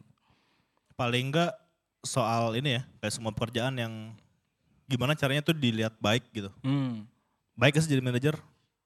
Nah, Ya mungkin kalau ukurannya adalah materi lagi, ah. orang mikir itu bukan pekerjaan yang bagus. Gitu. Iya bener.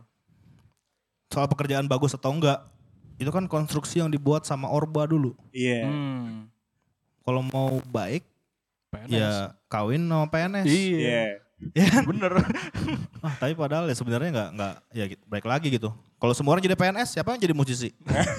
Mau Gak denger ada- lagu gak apa ya? lagu. iya, siapa yang mau jadi dagang kopi? Iya bener. Berarti in- intinya ya kalau dinilai secara materi ya jelas susah lah ya. Bener Ya, tuh. tapi itu juga salah satu ini ya eh, cara pandang yang harus harus Dirubah. dirubah. Ah, Berarti kalau secara ya lo ngerasa jadi manajer ya baik buat diri lo sendiri dan itu ngebantu orang ya. Iya, karena balik lagi ini soal kebaikan gitu ya. Kita Ya. ngomongin hal yang baik, bekerja ini baik gak nih? Ini baik gak? Tahu juga gue rasa teman-teman yang buka usaha kopi juga mikirnya dia ngasih ruang teman-teman buat Iya. Ah, nongkrong, buat ngobrol. Coba Oh. kalau nggak ada warung kopi di Malang, nongkrong di mana? Nah, Oke, gue pengen nanya juga nih. Eh, material sebagai manajer tuh apa ya sih? Ap- apa apa yang harus lo punya kalau pengen jadi manajer? Gue pengen jadi manajer misalnya. Gue harus harus harus kayak gimana? gitu? Sebenarnya kan setiap orang bisa harus mampu memanage dirinya sendiri ya. Iya. Hmm. Kayak dia dari SD, besok SMP masuk mana, Ah, SMP masuk mana, Iya. kuliah mau ke mana, kan itu udah manage. ah, Berarti paling enggak setiap orang yang punya tujuan itu gimana cara mencapai ke sana pun juga dia harus memperhitungkan. Hmm. Dan gue rasa materinya yang paling penting adalah yang tahu ya soal ide, isi kepala, Oh. konsep-konsep. Yaitu tiap orang-orang punya itu menurut gue. berarti kreatif lah ya pertama Iya. ya. Lo harus kreatif. Kere tapi aktif gitu ya. Ah, Pokoknya Kere aktif tapi terus ya. Kira tapi aktif Kere gue tapi kayaknya. Intinya itu berarti kreatif ya. Sebagai manajer lo harus punya konsepan gimana ngebangun talent ini berarti. Iya. Manage ya tugas gue ya juga selain manage ya gue juga sebagai bumper. Hmm. Jadi kalau ada masalah apa pun gue dulu pasti. Yang pertama. Gue yang maju gitu. Sejauh ini ada lo Terakhir. selama jadi manajer? Baru kemarin sih bulan apa ya? Sep, eh Oktober Oktober kemarin. Apa tuh? Itu lucu juga tuh. Jadi emang kita juga sempat buat kesepakatan sama Mas Iksan kita kita nggak akan main di satu kota yang sama dalam waktu yang berdekatan. Hmm. Oke. Waktu itu main di sebuah kota dan ternyata karena sebenarnya yang gue pikir waktu itu ini yang ngundang satu teman juga nih, Oh. satu circle kan. Satu circle. Ternyata enggak. Terus Oh. diprotes gue. Mas kok ngambil yang ini sih mas? Wah saya pikir satu Satu, satu circle. komunitas. Ah, Ternyata akhirnya mau gak mau dia diakalin. Yaudah kita di acara ini kita nggak akan banyak main, tapi lebih banyak ngobrolnya aja. oh. Tapi juga karena teman-teman SMA, SMA kan gitu gengsi ya. Iya. nggak bisa pokoknya yang di itu harus di cancel wah gimana dia minta cancel gitu. minta cancel Terus lo responnya ya tadi dengan cara tadi atau minta cancel cuma ya gimana caranya kita buat diplomasi yang bagus gitu ya. biasa orang politik gitu kan itu ya dipl- diplomasi cuma waktu itu buat kesepakatan oke kita di acara yang pertama ini di kota yang baru ini Hah? Hmm. acara yang pertama ini kita nggak akan bawain banyak lagu cuma dua lagu Iya. sama ngobrol terus juga dia minta si panitia yang satu lagi dia bilang jangan bawain lagu ini mas ya lagu bingung tuh Ah. sama lagu apa rindu sahabat Iya. gitu. Oh, oke sign kontrak kalau sampai kita batalin itu kita akan bayar full ke panitia sebelumnya kita balikin uangnya semuanya Oh, berarti tiga tiga tiga stakeholder ini lo acara A, acara B lo Iya. semua tuh. Ha-ha. Oh. Tapi di, di sisi lain waktu acara pertama dilanggar semua sama Mas Iksan. Orang puyeng gue. Anjing, balikin duit gimana nih? Padahal- Terus akhirnya balikin duit tuh. Enggak. Terus Enggak karena gini. eh, Oke mereka anak SMA juga mungkin mereka melihatnya itu mereka sangat kuat di hukum ya. Ya. Di. Wayung karena per- persetujuan MOU. Cuma setelah acara pertama selesai itu mereka nggak nggak bilang apa-apa. Ya udah chill aja gitu, santai aja. Padahal juga mereka tahu gitu, aku juga bilang nih gimana nih, Mason bawain lagu ini, ya gak apa-apa mas. Tapi kalau dari fansnya mondar mandir dong. Satu kota yang sama kan? Iya. Berarti abis acara A, fansnya juga ikut ke acara B. Heeh. Oh. Tapi kan beda beda seminggu waktu itu, Oh. beda seminggu. Terus waktu itu ketika yang pertama selesai, terus yang panitia setelah itu nggak bilang apa-apa, mungkin aman-aman aja. Hmm. Pas main di acara yang selanjutnya ini, selesai main nih, Mas kita mau ngomong, kira mau foto-foto gitu ya. Sama gurunya juga kan. Iya. Eh diminta balikin duitnya, kurang ajar. Terus di situ gue marah-marah juga kan. Ah. Karena gue pikir ya kemarin kita nggak ada masalah dalam setelah acara yang kemarin Iya. ini nggak ada omongan untuk gimana cara kita balikin uang gitu ya. Tapi yang gue pikir anjing gue udah main ngeluarin energi terus dia minta, Minta duitnya balik. Wah kurang ajar. Tuh kayak gitu akhirnya gue marah-marah juga di situ kan. Eh. Nggak gini caranya sebenarnya kalau ini bermasalah ngomong dari kemarin duit kita balikin kita nggak Ah. main di sini. Nah, harusnya gitu. Harusnya gitu kan. Ah. Ini enggak, ini udah selesai baru diminta duitnya. Wah kurang ajar. Karena Tuh, lebih asik kali ya tuh. Anak-anak SMA. Akal akal akal akal akal akal anak SMA. Iya. iya. Oke.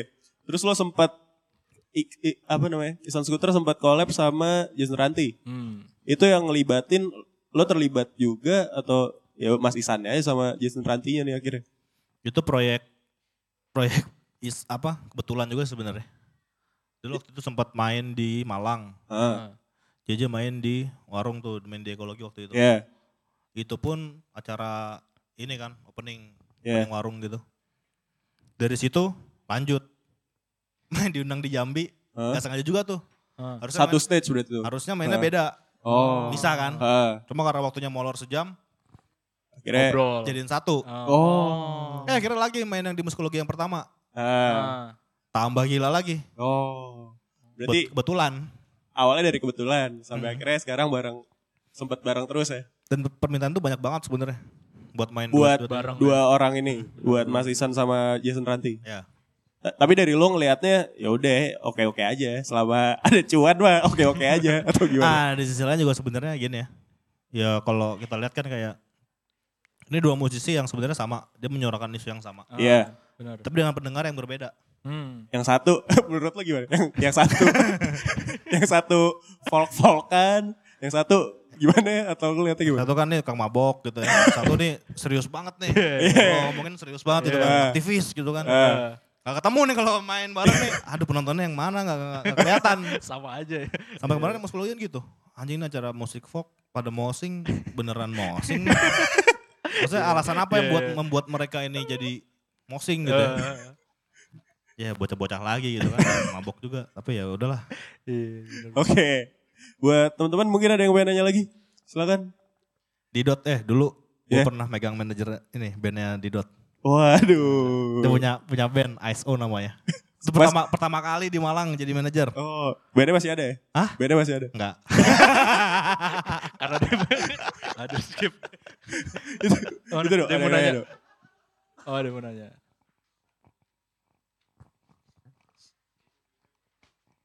Tes. Iya bang mau nanya bang, eh rencana ke depannya ada rencana pengen ini nggak? Bikin band ngeband lagi gitu sama manggung lagi. Sama mungkin bisa diceritain eh dulunya ngeband kan sekarang jadi profesi ubah profesi jadi manajer. Mungkin cerita apa tuh yang bisa ngebikin ngubah profesi jadi ke sana gitu? Apa mungkin emang dulu ketika ngeband di saat itu ya emang belum bisa memenuhi apa ya kebutuhan perutisme apa gimana gitu kan itu aja sih bang thank you Gimana tuh Bang Santos? itu dulu itu sebenarnya kayak ini yang gue lakuin sama Mas Isan ini itu bukan dari bukan dari yang langsung jadi enak dari Hmm. dari yang sulit juga Hmm. sampai akhirnya oke lah ego buat ngeband pun akhirnya diredam dulu gitu ya diredam yang harusnya ngeband masih lengkap personil di Malang nih Hah? Gagalnya kan karena pembuatan karya Oh. akhirnya gagal ada yang cabut vakum ya udah fokus ke manajer akhirnya Manajer tadi. Cuma kalau ngomongin soal tadi perpindahan profesi juga sebenarnya ya gue masih pengen tetap jadi anak band. Ah, Cuma ya masih belum memungkinkan juga untuk melakukan keduanya lah ya. hal secara bersamaan Hmm. gitu ya. Karena kalau waktu itu masih pengen ngeband juga Ya siapa yang mau ngurusin Insan Skuter? Iya benar. Berarti dari lubuk hati lo lo pengen pengen jadi frontman juga dong. Pengen terkenal juga dong. Bukan terkenal sih tapi lebih apa ya? Berkarya. Kayak gini nih, Ah. tapi nyanyi. Oh, iya pengen dilihat orang lah. Bukan dilihat sih, lebih apa ya? Ya emang Dakwah, jiwa- dakwah. Ah, Nah, wah anjing. Oke, oke. Tapi kalau ditanya, lo lebih milih kalau misalnya dua posisi nih, emang lebih milih jadi anak band aja atau manajer aja? Ya kalau manajer sebenarnya semua orang bisa memanage lah. Kayak kita Ah, tahu Wake Up kan? hmm, Wake Up bisa di manage sendiri bandnya. ah. Di manage sendiri sama personilnya. Oh. Berarti kalau dipilih mending jadi anak band aja ini. Intinya mah tetap karya, udah Ah, harus buat. Aman, aman. Berarti anak band dong.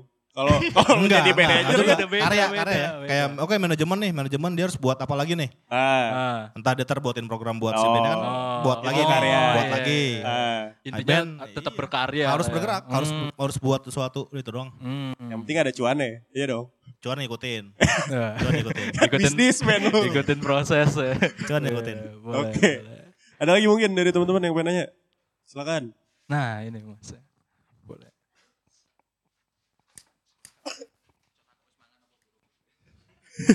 Mas Santos sudah makan belum? Ayo Top. Tos, eh, sebelumnya perkenalan saya hamba Allah.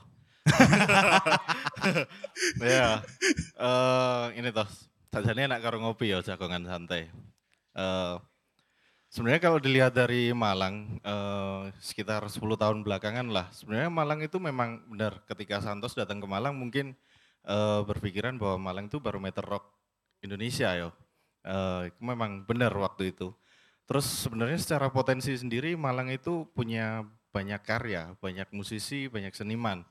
Nah, eh, ditambah lagi di Malang itu musiknya musiman.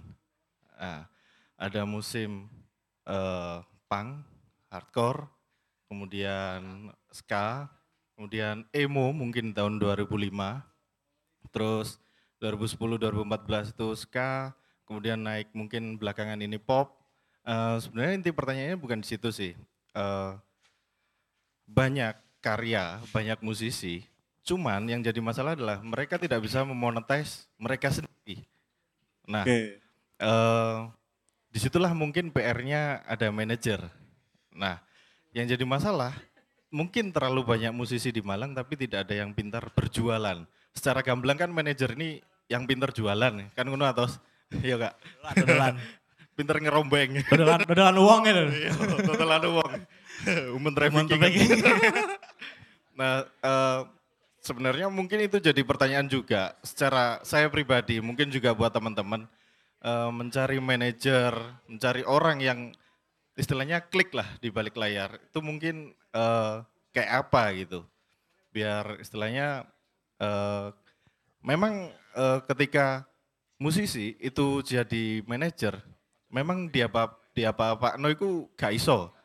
Karena yang pertama seorang musisi itu punya ego yang gede. Ego entah itu mereka nyanyi, main gitar, jadi agak susah ketika dia harus mengatur bandnya juga. Nah itu eh, istilahnya mungkin kiat-kiatnya lah untuk cari manajer tuh kayak opo tos. Karena kan eh, saya yakin eh, Santos di sini eh, Mas Iksan dulu udah punya istilahnya link lah mungkin di Jakarta ya dari dia di Putih terus sampai akhirnya di Solo Karir sekarang. Jadi mungkin secara personal branding eh, lebih enak gitu kali ya. Nah mungkin buat teman-teman yang baru ngeband tuh kayak gimana gitu mungkin pesan-pesannya.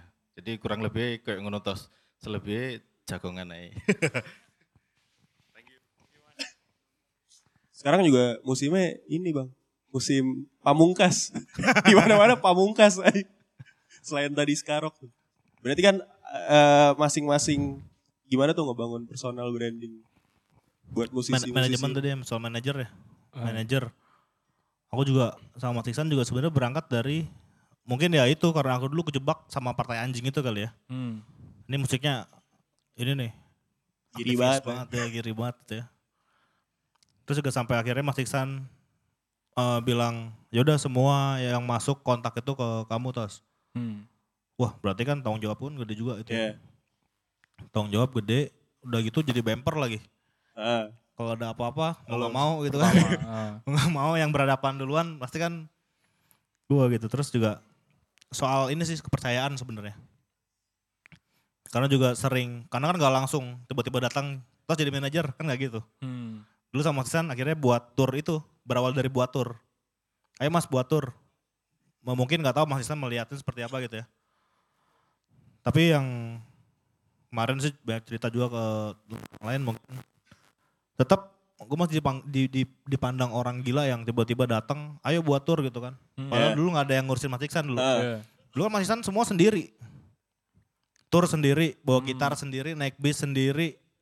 Itu cerita yang pedih banget sebenarnya. Hmm. Yang Mas Iksan lakuin gitu. Iya. Terus tiba-tiba gue datang ke warung Serawung, ngajak ngopi, ngobrol banyak, terus tiba-tiba, ayo mas buat ini. Mungkin itu yang bikin kita jadi satu, satu frekuensi. Akhirnya jalan bareng, karena buat. Intinya kan buat lagi tadi. Iya. Jadi sama-sama buat. Aku ngurusin manajemen, buat program, Mas Ihsan buat lagu. Jadi Mas Ihsan buat lagu, tugas Mas Ihsan udah selesai, manajemen buat program. ah. Jadi sama-sama bergerak terus. Cuma ya kesadaran balik lagi. Mana- Manajer ini dia harus punya kesadaran ya pekerjaan dia adalah membangun program itu sendiri.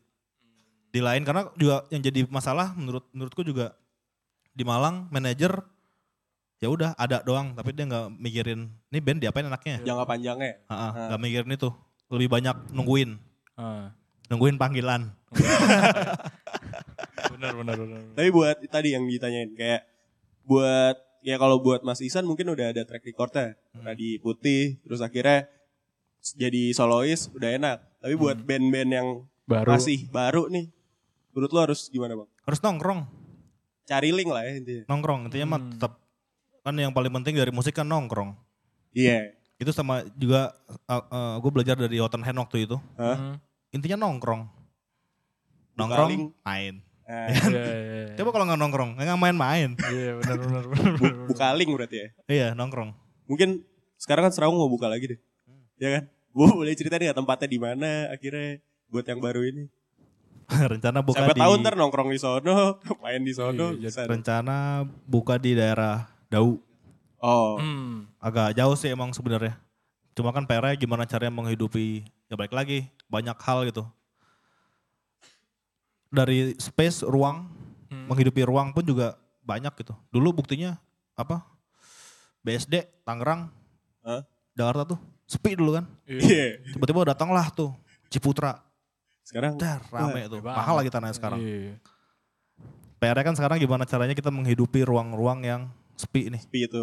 sepi. Terus juga emang kita lihat sekarang di Malang sendiri kalau kita ngomongin berapa banyak space ruang untuk membuat acara-acara musik Di mana ya sekarang di Malang Mana nggak tahu gue. Iya. Oh berarti itu itu juga jadi satu kendala ya buat industri Kendala, ha-ha. di Malang. dulu pernah buat acara juga di sini kan Ah, acara nekatan pertama kan di sini iya. Ah. coba Sama ini paling ya backline situ. ah, backline juga akhirnya sekarang kan orang-orang acuannya kalau mau tur ke Malang main ke mana Nggak tahu. ya akhirnya Gitu. itu ada Ah. backline ada nuwun cuma Semeru kita paling. berusaha untuk ah, Semeru Ah, cuma gimana caranya kita harus punya banyak ruang untuk menghidupi industri ini Oke oke oke. Tapi kalau kita mau industri lagi nih, yang paling yang paling ngeselin juga sebenarnya masalah ini, masalah pajak. Bener sih. Bener, bener, bener. Jadi terkenal salah. eh belum apa-apa Iya, dah. iya. Baru, Pajak, baru pajak, pajak. acara nih, tiketing 20 ribu gitu kan, orang pajak datang. Waduh, bayar bandnya nggak bisa, penontonnya sedikit, mintain duit lagi. Wah, gimana tuh kalau gitu tuh? Ya. Bener, bener, bener, bener. Oke oke oke. Mungkin ada lagi yang pengen nanya nih seputar industri musik di Kota Malang atau tentang Mas Santosnya sendiri? Wah boleh. Silakan. Oke.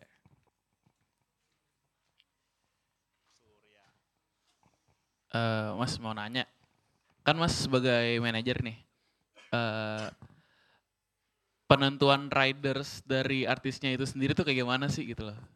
Pengen nanya itu aja sih paling. Menarik nih, menarik soal Raiders nih. Amer. Mas.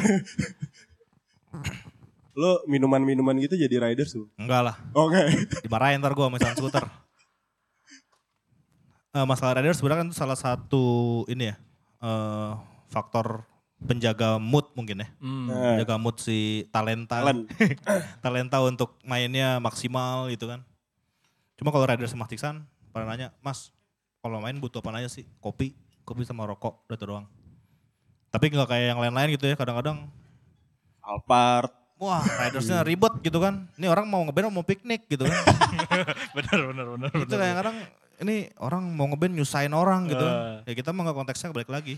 Karena misi kita bermusik pun juga sebenarnya nggak nggak yang cuma sekedar menghibur aja. Hmm. Eh, Tapi lebih banyak soal edukasi. Musik ini nggak cuma ya itu. Nggak cuma buat senang-senang. berarti ya udah lo rider seadanya aja lah ya. Ya seperlunya lah sebenarnya.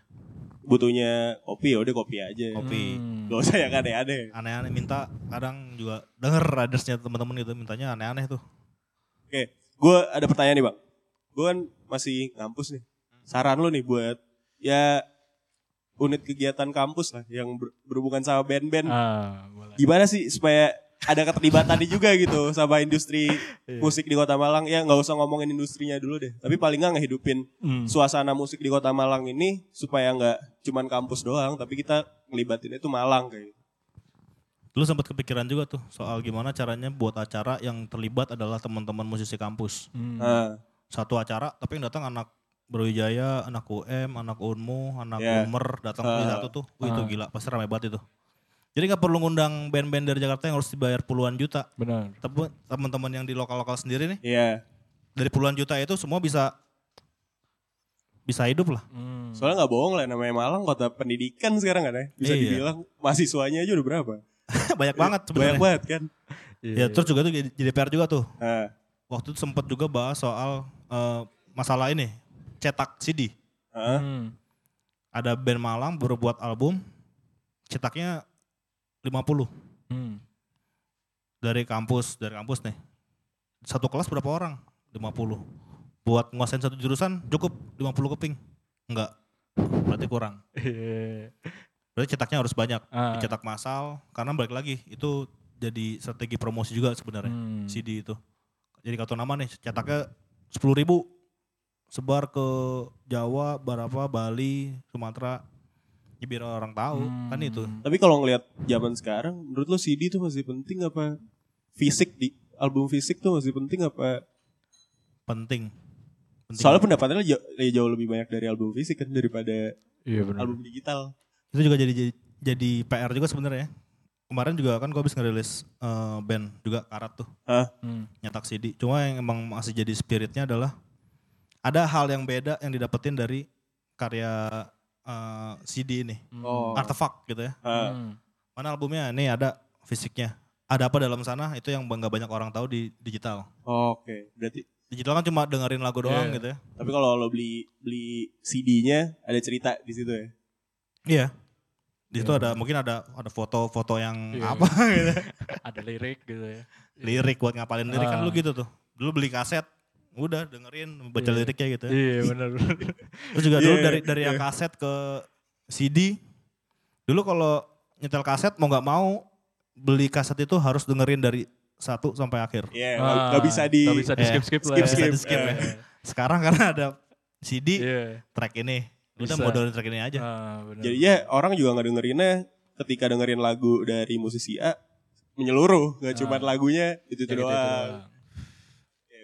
Tapi ya itu sih emang juga balik lagi kalau pengen didengar harus harus belajar jadi pendengar juga gitu ya. Ya, Hmm. menjadi pendengar ini maksud lo harus yang kayak gimana atau eh ya menghargai lah konteksnya menghargai gitu ya. Iya. Karena juga gue selalu bertanya apa sih bentuk konkret dari apresiasi pendengar gitu ya. Hmm. Ya salah satunya beli CD, CD-nya beli itu. produk dari si band. Ah. Itu paling konkret untuk support si musisinya. Kalau misalnya dengerin doang lewat Ya. Spotify gitu, udah udah Ya. Spotify kagak premium, ada iklannya. Itu juga ya tergantung lagi sih kayak eh, kebutuhannya band dulu. Dulu pengen banget masuk Spotify cuma buat promo doang gitu. Ah. Bisa Ah. bisa dijadiin ini story. Ya, bisa jadi story. Cuman kan tuh jadi bagian bagian Promosi. ya. promosi. Promosi, Iya, bagian iya. promo Apalagi lo juga kayak- kan, marketing lo juga. Kayak kepentingan dari masukin lagu ini ke Spotify apa? Nyari uang kah atau buat promosi aja? Ah. Sebatas itu ketemu tujuannya apa ya udah selesai. Wah tapi Sun Scooter yang dengerin kan udah satu lagunya udah satu M, Iya, dua M. Gue lihat di Spotify ya. Hmm. Itu kan lumayan banget bang. 1 M 2 M. lumayan dan itu juga jadi salah satu bentuk apa ya kayak eh ya akhirnya kan itu jadi jadi cuan juga gitu ya Iya. jadi cuan juga dan itu yang kaget banget itu waktu itu ini gue buka juga dia waktu sempat masuk ke agregatornya di Bandung panas dalam tuh Hah? Ah. Kan sempat lupa password tuh. Terus nggak kebuka pas, apa ah, akunnya ini. Iya. akhirnya ketemu passwordnya. Ternyata nominalnya lumayan nominalnya. Dari satu setengah tahun. Nissan Scooter 70 juta dari Spotify. Waduh. satu setengah tahun. Tak terduga-duga itu ya. itu nggak terduga tuh. Hmm. tapi itu akhirnya kan harus sadar juga kita nih sebagai musisi. Tapi itu sat- 70 juta mas bersih masisan semua Bersih. apa dibagi Hmm, sama bersih. bersih? Bersih. Wah. Berarti kalau misalnya ya bilang lah sekarang kalau misalnya mu- lo musisi lo berangkat dari digital doang pun sebenarnya juga udah lumayan ya. lumayan ya itu yang paling gampang paling simpel gitu ya ketika Iya. mana lagunya nih Spotify gitu Iya. Iya. nggak perlu harus buat cetak fisik berarti kita harus cari alasan lagi kenapa harus cetak fisik Hmm. Nah. Soalnya penikmatnya juga buat buat yang fisik ini kan sekarang juga udah pasti menurun dong. cuma aku masih masih berkeyakinan kalau suatu saat internet seluruh dunia down Balik lagi. Konspirasi. Banyak konspirasi nih. balik ke zaman batu ya kan Mendekati tiba-tiba kiamat tuh. wah mendekati kiamat tuh eh nggak jadi kiamat Iya. terus tiba-tiba masih ada artefak wah ya CD nih Ah, gua doang nih yang punya nih. Oke oke. kayak filmnya ini apa Will Smith tuh yang eh, Legend apa I'm Legend Hah? I am Legend I am legend. Ya gue gak tahu bang. Semua kota kan zombie tuh tapi Ah. dia punya piringan hitam satu yang akhirnya dia bisa dengerin musik Oh, gua kurang tahu sih. Tapi Itu jadi salah satu mungkin dia pegangan investasi dia. Kalau kejadian seperti itu ya. bahkan sekarang kayak al- album-album album yang lama itu Ah. harganya kan gila-gilaan Hmm. Karena nggak ada cetaknya itu Nggak ya. ada lagi Hmm. kemarin sempat main ke Lokananta mereka punya eh, rekaman pidatonya Pak Karno Ah. yang sampai dirusak Ah. Ah, Wah. wah di Solo banget. ya. itu. berarti kan seberapa mengerikan Piringan hitam itu. Ah, iya Oke oke. siapa oke. tahu di dalam itu ada propaganda lagi gitu Konspirasi lagi. Iya. Oke. eh, sebelum udah ya kayak, kayak udah Oh, udah. hampir dua jam kita ngobrol-ngobrol. dua jam kelamaan ya Kelamaan satu setengah jaman lah. Saran lo nih bang terakhir buat ya musisi-musisi di Malang yang selama ini mungkin masih ngeband tapi hobi doang, nggak nggak bisa ngelihat secara industri ya. Ah. Lo kalau mau sukses ya mau nggak mau harus dibawa ke industri ini. Saran lo apa buat musisi-musisi di Malang? surat ini ya surat Anas Anasar Aduh. apa Wa, Wa- Wa Asri ya demi masa oh ya demi, demi waktu, Demi demi, waktu. masa. Ah. yang paling penting kan ya yang paling mahal sebenarnya waktu Hmm. berapa banyak waktu yang dibuang untuk melakukan hal yang kita nggak pernah tahu apa tujuannya Iya. Hmm. ya paling kita harus sadar banget sadar banget dari apa yang kita lakuin yakin udah jalin aja nanti waktu yang jawab Oke, tepuk tangan buat Bang Santos. Oke, terakhir Bang. Lo selain besok kan manggung juga ya? ya besok ada Hmm. Besok di Surabaya Surabaya. Oke.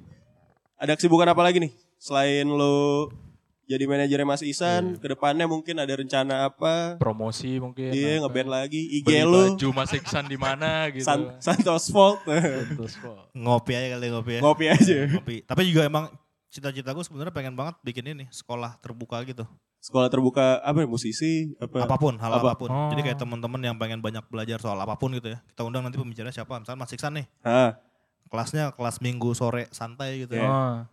Iksan kita undang ngisi materi oke. ya sebulan sekali paling enggak Oh, boleh tuh. jadi enak bagi-bagi ilmu Hmm. Nah. kan yang yang tiga tuh katanya dibawa mati tuh Ilmu jariah itu ya. Iya bener pahala-pahala. Lo masih percaya gitu-gitu ya? ya lo pikir apa? Pikir kayak yang bebas banget gitu. ya palingnya kan lo harus tahu gitu kan hidup untuk apa Iya. itu yang paling penting kalau nggak tahu hidup untuk ngapain ya udah kita seneng-seneng aja terus gitu kan. Buat teman-teman yang pengen nyari lo, bisa nyari di mana nih? Di Serawung kalau udah buka.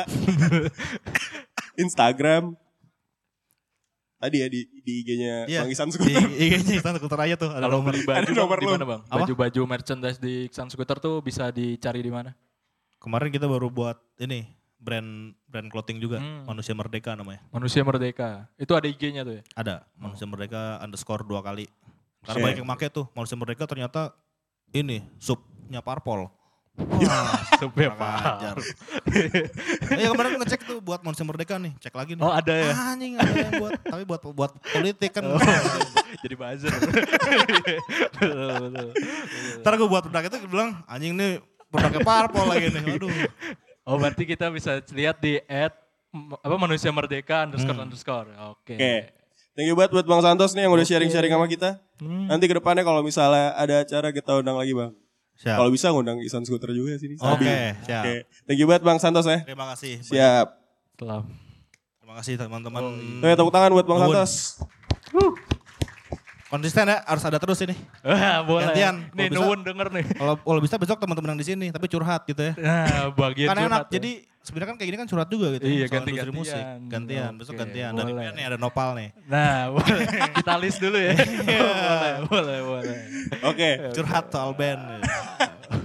Oke, nanti ini eh ini volume 1 bakal ada di Spotify, Hmm. di Spotify di podcast saya duduk sebentar, kita bakal launching paling lama ya minggu ini lah bakal kita Hmm, post. benar. Nanti lo bisa dengerin di situ kalau mau lebih lengkapnya lagi buat yang tadi telat datang atau baru datang. Thank you buat Bang Santos. Ya mungkin sekali lagi tepuk tangan untuk Iya. Mas Santos ya. Masih kaku kan buat deh. buat Iya. buat Nuhun juga makasih yang udah nyediain tempat buat kita sharing-sharing dan ke depannya Moon Talks ini bakal ada terus sih Insya Allah se- seminggu sekali lah ya ke depannya rencananya minggu depan kita bakal ngundang Remisa Oh iya. buat sharing-sharing juga oke thank you banget udah kita tutup ya Udah. Assalamualaikum warahmatullahi wabarakatuh. Ya, bagus. oke thank you semuanya Oke, makasih banyak. Assalamualaikum. Waalaikumsalam